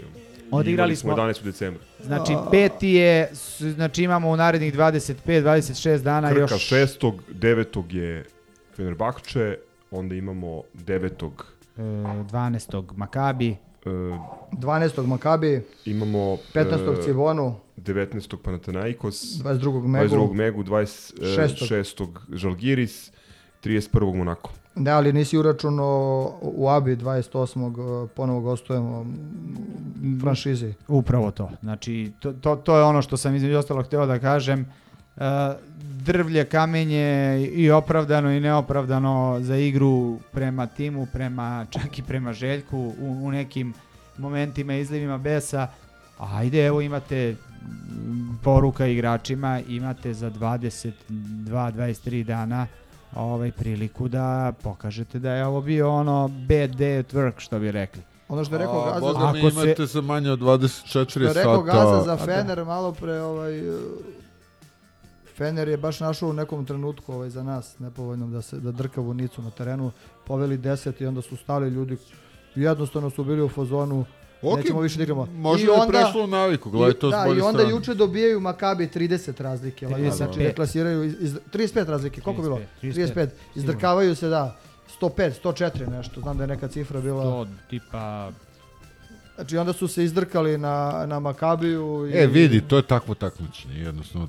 Takve su oscilacije, 109, takvi su 74. nelogični Imam rezultati. osjećaj da će pro, protiv nas da igraju 200% motivisano i da će ih ići šut. Ma eto. Šaras, čoveče, Šaras vodi sad. Pa znam, ali On je kažem ti- uvek, on je uvek protiv Željka. Ljudi. Mislim, jeste tu, ono, E, iz, izvini što te prekidam, ali prošle godine smo igrali sa njima, ajde opet ja, ja i optimizam. Prošle godine smo igrali sa njima kad su bili prvi na tabeli, a mi smo bili u kurcu, Aleksa se vraća ono iz, iz groba i igra prva dva i po minuta i slično, pa smo ih dobili. Sad ima jednu pobedu I više. Mi, mi, pa dobro, ali Ne, mi, ja, ja, ja očekujem da ćemo, da ćemo odigramo bolje nego juče, da će biti bolji pristup da ćemo se više tući tamo, ali kažem, očekujem da će oni da odigraju O, o, mi, mi smo 11, oni su peti. 200%. Mi ako ih pobedimo, znači mi preskačemo uh, to koji je peti na tabeli, jer ćemo imati ovaj, bolji međusobni skor. Tako Tako, je. da sve Ok, je ljudi. u, u jednoj dve pobede. Ka, kao što smo imali seriju 4-0, sad imamo seriju koliko? Mogu da apelujem 1-2. nešto, da se ne prave projekcije do, do kraja Odnosno aprila. 1-3. Tako Pa ne, je, ne, ne, molim vas, ili da, bar da, dok da, Zvele da, nije tu. Da, da, da. Kalkulacije. Uh, hashtag struka. A, a, ali imam an- amandman druge prirode. A, ok, taj Fener, ali to je naredne nedelje. A, Krka je na Badnje veče. Po tradiciji, ja sad kao veliki... Besplatan ulaz. Ja kao veliki srbin pravoslavac, a, sve što nisam, ali znam da je po tradiciji da se Badnje veče čeka u krugu porodice, a ako vam partizan nije porodica, ne znam ko vam je. Dakle, dođite, ajde, projekcije su, bit će nas preko nekoliko, ja, ja verujem da će... Boga mi će biti, pošto je Grobar i besplatan ulaz. Grobar a, besplatan ulaz. Nemoj da pocenjuješ tu grupu. zah- zahladnjuje, tako da Grobar je lepo vreme, znaš što rado do arene doći pola noći. Sutra Ne- će biti ne- ovaj Neće puntu da upali. Ne, ne, su, neće sutra, sutra će biti posljednji onako lep dan, tako da će i ta grupa, podgrupa da se pojavi. E, pa odlično. Samo, znači, samo Grobar i dobar rezultat će, će izostati. Da. Odlično. Ok, um, poziv uh, u arenu sutra, besplatan ulaz za sve, ne samo za juniore i juniorke. Tako Ja da, neću, ja tražim da mi se refundira, za... šalim se, idemo, ajmo. Cashback, resale. Um, ja imam sad još jednu stvar samo na temu košarke, da to je više ova rubrika fuck you referee, odnosno ništa sporno. to je za uvijek smešno, fuck you. Tako neka, ajde, jingle pa... Ajmo, jingle pa, referee. fuck you. Ajde, fuck you, ref, fuck you referee. Traje, traje trenutno 2 sata i 9 minuta i 15 sekundi. Ajmo dalje. Ok, um, ovo uh, jeste fuck you referee, mada e, pripada, e, pripada tematski košarkaškom bloku. To je matični, matično mesto. Nismo pričali uh, puno o suđenju protiv Virtusa, iako je složili smo se posle te utakmice to bilo verovatno najgore suđenje koje smo imali na domaćem terenu. Onaj Pire je van svake konkurencije, ali e, ovako loše suđenje na svom terenu nismo imali u ove dve, e, ove dve sezone nakon povratka u Euroligu. E, I sada, ajde da ne bi analizirali pojedinačne momente, posebno u svetu toga da smo izgubili na kraju, jer mislim, duboko verujem da o sudijama kritički treba pis, pričati i pisati posebno kada se pobedi. Jeste, da ne ispadne da se vadim. Tako je, ali poraz. imam, e, moram da osjet, osjetlim jedan drugi fenomen koji mislim da je jako bitan. Um, zapravo mislim da je to jedan od razloga zašto je Euroliga i dalje neozbiljno takmičenje u poređenju sa nekim futbalskim i nekim drugim takmičenjima, nekim drugim kontinentima. A dobro, sad, e, i futbolski smo naročito u, našoj omiljenoj ligi konfi prisustvovali sudijama. koji su- Govorimo o elitnom koje takmičenju, su o naj... sudile, po, a, znači nisu sudile futbol, sudile su ono, ono takmičenje kad udaraju mrtve koze ili ne znam. Pričamo o elitnom takmičenju. Da. Znači, elitnu utakmicu utakmicu između dva velika istorijska kluba, na kraju krajeva nebitna su imena, utakmicu među u tom trenutku treće plasiranog i peto ili šesto plasiranog, pred rekordnim brojem navijača, sudi čovek koji, a, evo sad ne karikiram, zaista je tako, se bavi uzgajanjem a, paradajza u plasteniku. Gaza, gaza, gaza, istražuje. Šta beše on neki... Edward Ud- Udjanski, ekonomski migrant. Ovaj, To, to, da. Čovjek je sudio ligu Velike Da. Britanije. Za- Zapravo, Čovjek zaista ne zna pravila. Čovjek je, i dalje sudi, znači, G, e, ovaj BBL, e, sudio je do skoro ovu... Našem a, Peri Božiću, kaže. e, čekaj, da završim misao. Znači, sudi sada BBL i našem Peri Božiću, ali do skoro je sudio English League, znači to je drugi rang, to je liga u kojoj bi na četvorica mogli da igra. Znači, Tamiš bio, zamislite- u kojoj bi Tamiš bio šampion. Zamislite drugi rang engleske košarke. Koji je to nivo? E, i ti čoveka, kao što su onog e, Guida Giovanettija, ovaj, onog italijana što nam je sudio ovaj, Da, on je bio kriminal. uh, što, što je isto učio pravilo. Pa, bukvalno. Znači, ovog čoveka su častili ono, dali za Božić, za Novu godinu, kao poklon, ajde Burazeru, Mhm. pošto sudiš pred 200 ljudi, evo da vidiš kako izgleda kad ima malo više. Kad ti jebe mater 20.000 ljudi. One odluke, mislim, ajde sad, ka, opet kažem, neću da ulazim u po- pojedinačne, ali dve situacije, Kordinije i Pajola, jebeni Pajola, start na Panteru, odnosno start na, ne znam na čemu, nije, nije, nije gledao loptu. Ono je Bodiček koji je On je klizeći, ono je fantastično. Ono je, pazi, prvo jako opasno. Kordinije je bio klizeći, a ono je bio neki udarac. I onda još gledaju i ne presude namerno. Znači, to je neverovatno. Pazi, ok, nisi radio, ni, možda ne znaš svako šakaška pravila, ali si, ne znam, na fizičkom si radio ragbi, to je u ragbiju žuti karton i 10 minuta isključenja. To je, znači, ono, obstrukcija igre. Pa mislim, to je slično gledanju, Ispred njega gledanju vara u pazovi. To mi je podsjetilo na to. Znači, ok, možda u trenutku nisi mogao da otlučiš, gledaš i šest uglova usporni snimak, dve ruke na čoveka, lopta je već otišla. I kao, na bazi čega si donao Znači, tu odluku? Tu imaš, tu imaš znači dva problema ozbiljna zbog kojih ponavljam Euroliga kao elitno košarkaško takmičenje ne deluje ozbiljno. Pored toga što nije rentabilna, imaš igrača Glikman famozni je pričao da hoće da da mu je san da da Euroliga bude prepoznatljiva po igračima i da bude kao NBA uh, takmičenje zvezda, igračkih zvezda. Ko je tu igračka zvezda? Kordinije, Pajola ili Kevin Panter? Na toj utakmici uh, na, na utakmici protiv Asela uh, na Panteru nije sviran ni jedan faul. Da, a, a Pantera- Paris Lee je izvukao sedam prekršaja. Ljudi, znači ni jedan Ja jedini mislim- faul na Panteru nije sviran. Ja A mislim na da onom, ne, na, ne samo na postoji- prenošenju, ono praćenje i ne mlačenje. postoji Da, da, da. gori odnos a, kvaliteta igrača i na kraju autoriteta. Panter je euroligaški igrač godinama. Jedan od najboljih strelaca Eurolige. I, i, ovaj, i, i tog a, nedostatka, znači ono, minimum, ne, ne čak ni protekcije, nego ne treba ti protekcije, svire faul kad je faul. Znači je. njega ubiju kao mačku. Ne, ti, ti šalješ ove osnovce, razumeš, da uče pravila pred 20, aj neka bude 25.000 ljudi, nije ni bitno. Znači, to nije ozbiljno.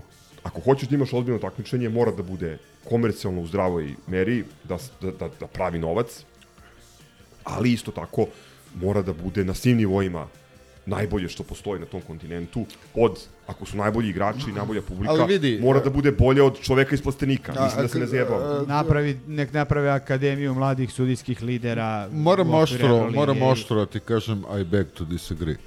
A, zato čim? što, za razliku od tebe koji ni podaštavaš ovaj, uh, američke spektakle, ovaj, Lemzi nije tu, čiti samo kad ode, ali uh, dosta sam gledao NFL-a. Tamo imaš, ne znam, 17 sudija i onda gledaju a, iz 800 uglova i donesu pogrešnu odluku. Znači, to je Ok, ja taj neki kontraprimer- jebeni ljudski faktor koji fuck it. Ja imam kontra primjer iz sveta sporta, ne spektakla. Ali- Znači ne Zvezde Granda, nego ragbi, gde je, postoji video asistent, Da, video asistent i gde ovaj, postoji, postoji, znači i video, postoji Da. ovo, i postoji razgovor sudije Jest. s igračem koji se čuje i ti u prenosu u realnom vremenu imaš, priču, pazi, ragbi je ko, ekstremni kontakt sport gde imaš u skramu 150 detalja koje sudija realno ne može da vidi. I kvalitet suđenja sada, gledao sam svetsko prvenstvo prošle godine, u poređenju sa nekim prvenstvima pre 10, 15, 20 godina, znači ne, nema veze. Ali to je korišćenje zaista ove, tih naprednih tehnika i tehnologija za korist sporta i u korist igre. A i- znaš da u snookeru, recimo, a, kad Oh se my igra u Kini, goodness. kad se igra u Kini, pa, znaš, ono, kad Baja.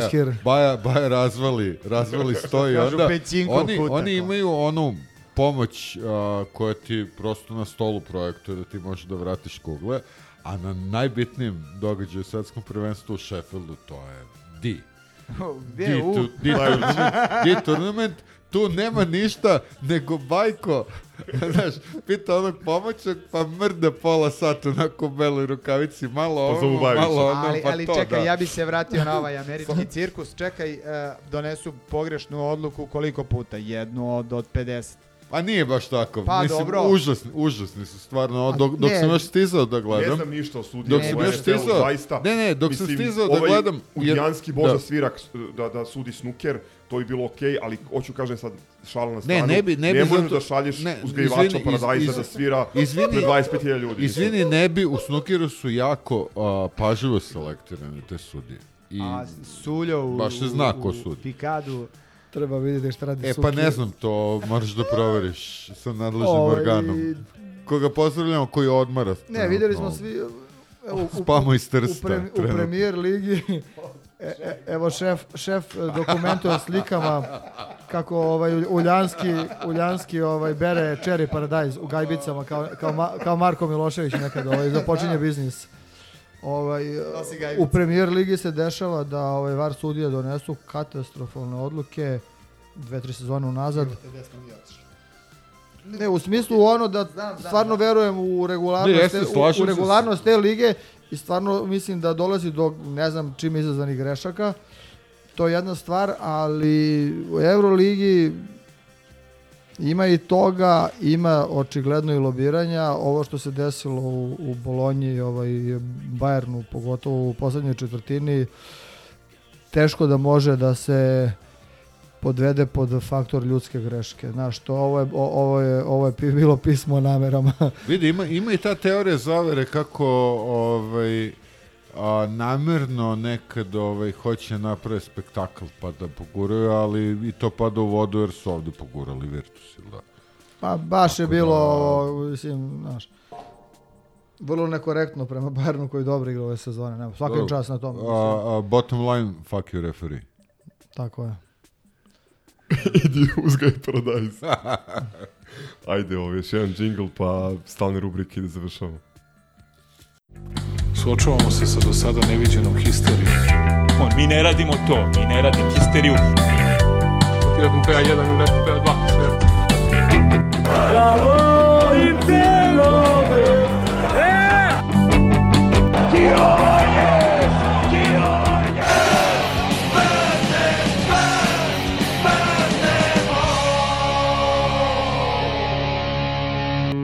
Smrt fašizmu, živeo partizan.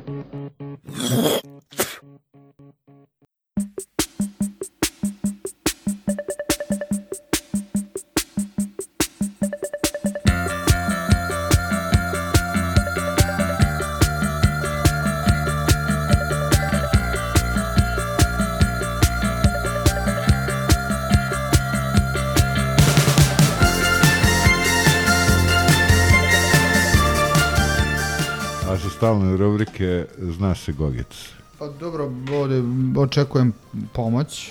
Ovaj, ali ajde da malo nešto sam malo pripremio, nešto ćemo sad da...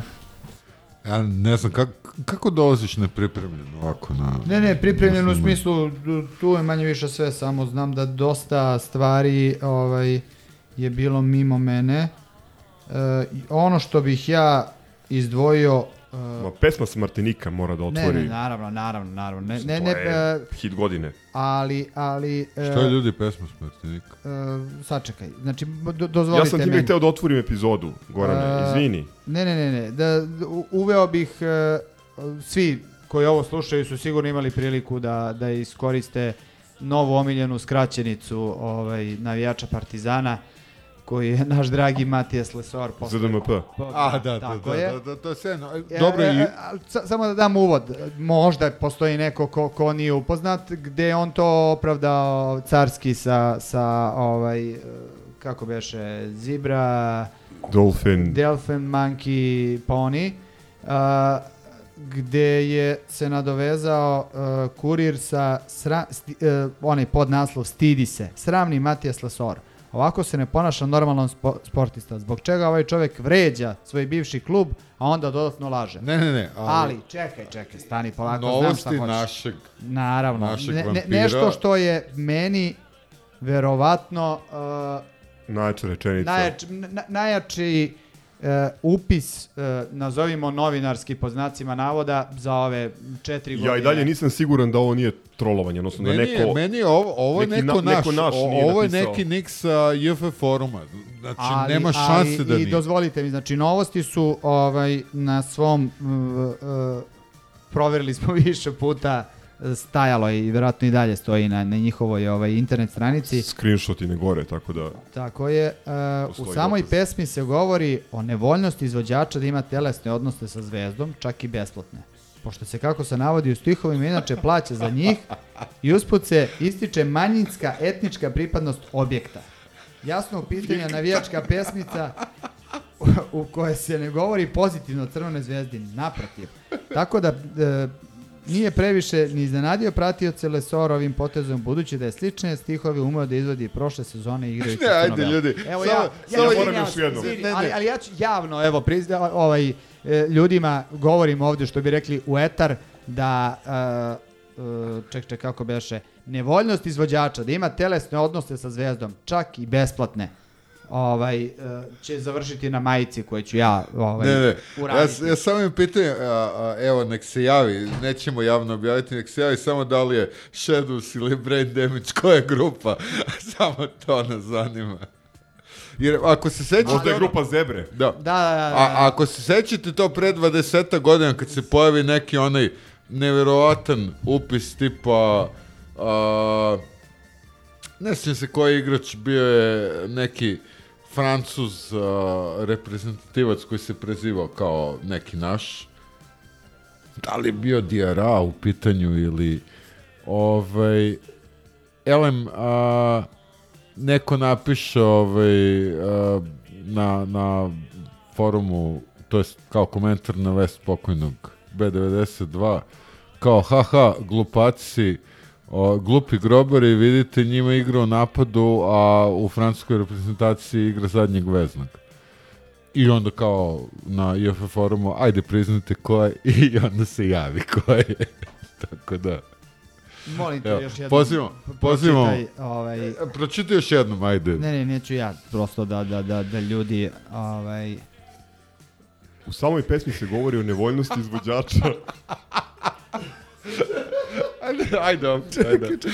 Koncentriši se, ovo mora se... Nevoljnost. U samoj pesmi se govori o Nevoljnost. nevoljnosti izvođača da ima telesne odnose sa zvezdom. Zarez. Čak i besplatne. Zarez. Pošto se za njih, kako se navodi u stihovima, inače plaća za njih. I tri tačke. Treba pitati Trobija da li su ovi zarezi na mestu. Da, svi, svi, svi zarez zvezda. o tome, o tome u sljedećoj epizodi.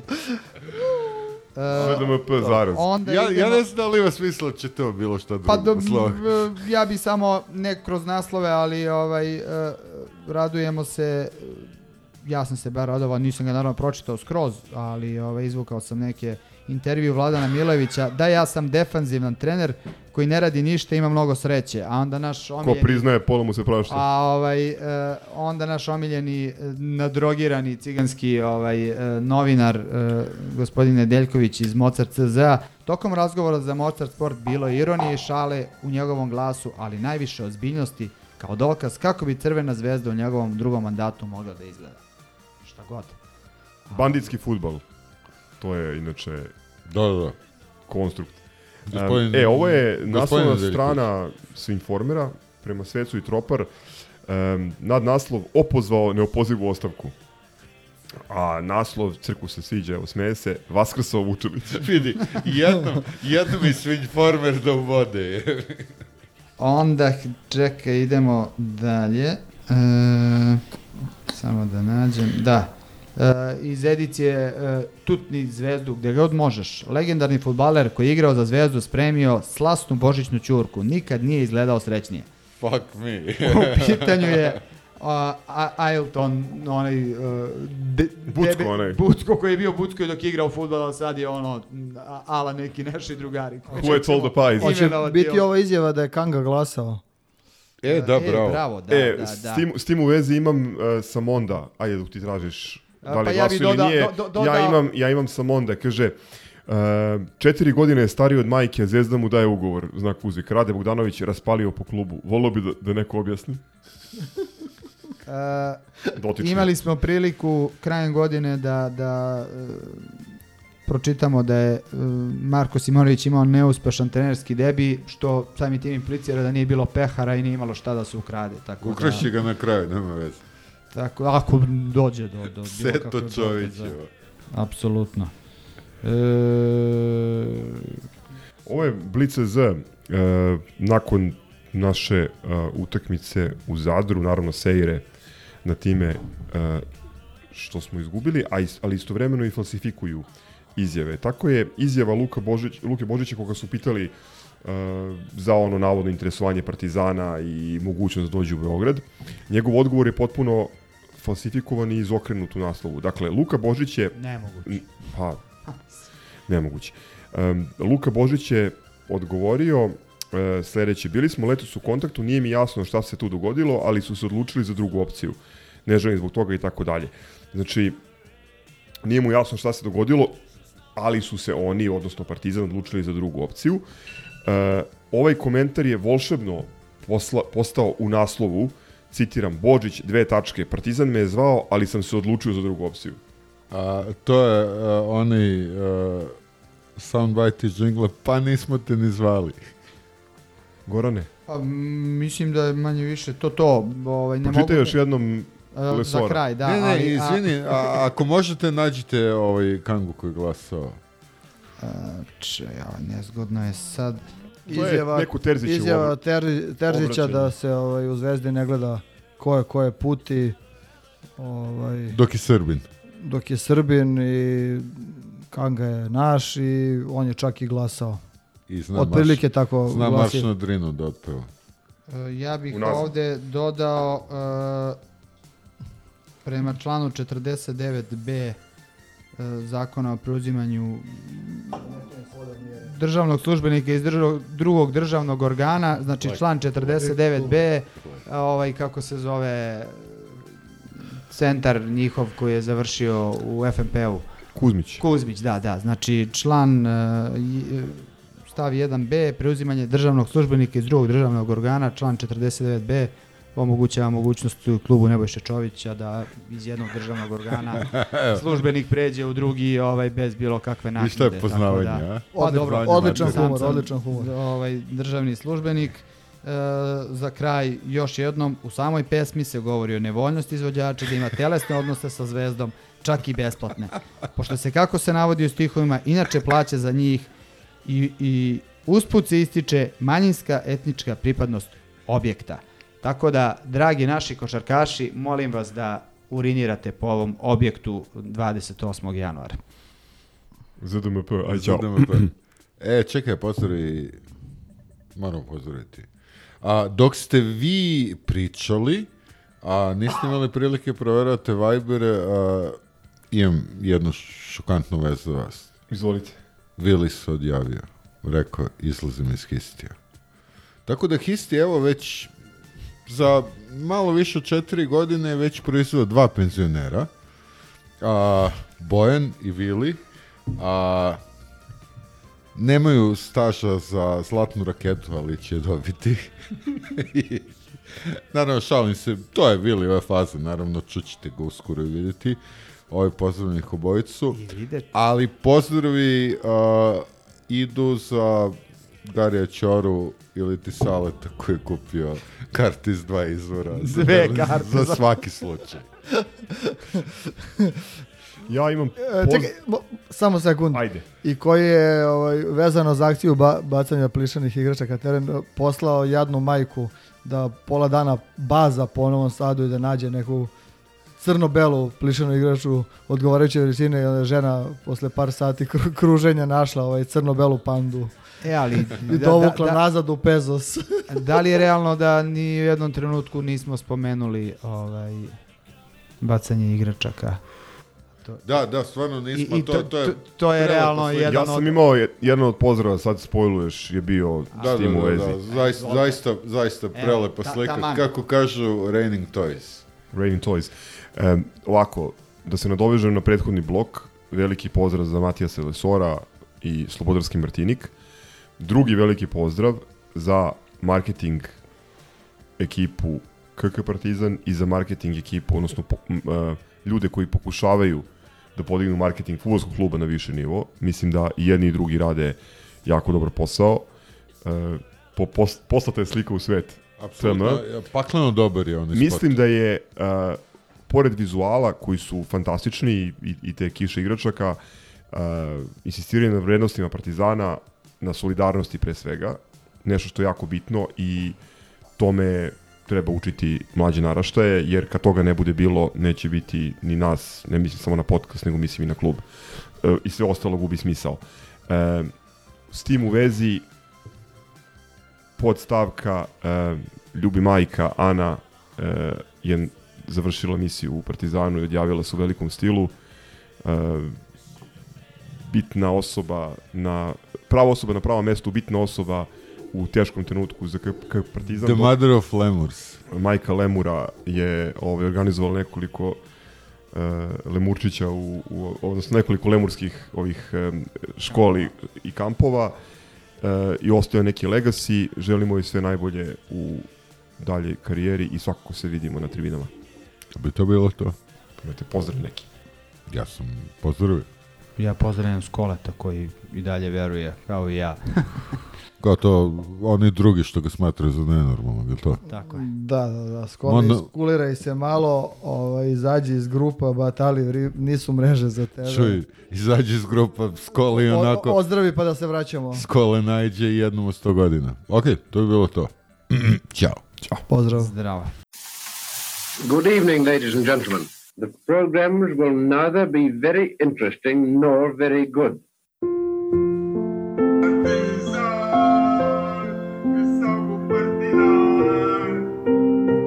Ovo vikanje, ovo urlanje,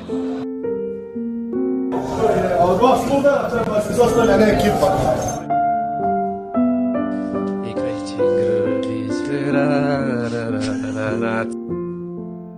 Ova histerija. Zapitajte se kako to utiče na ljude koji to gledaju. Na primjer na decu. A great deal of experiment has yet to be done.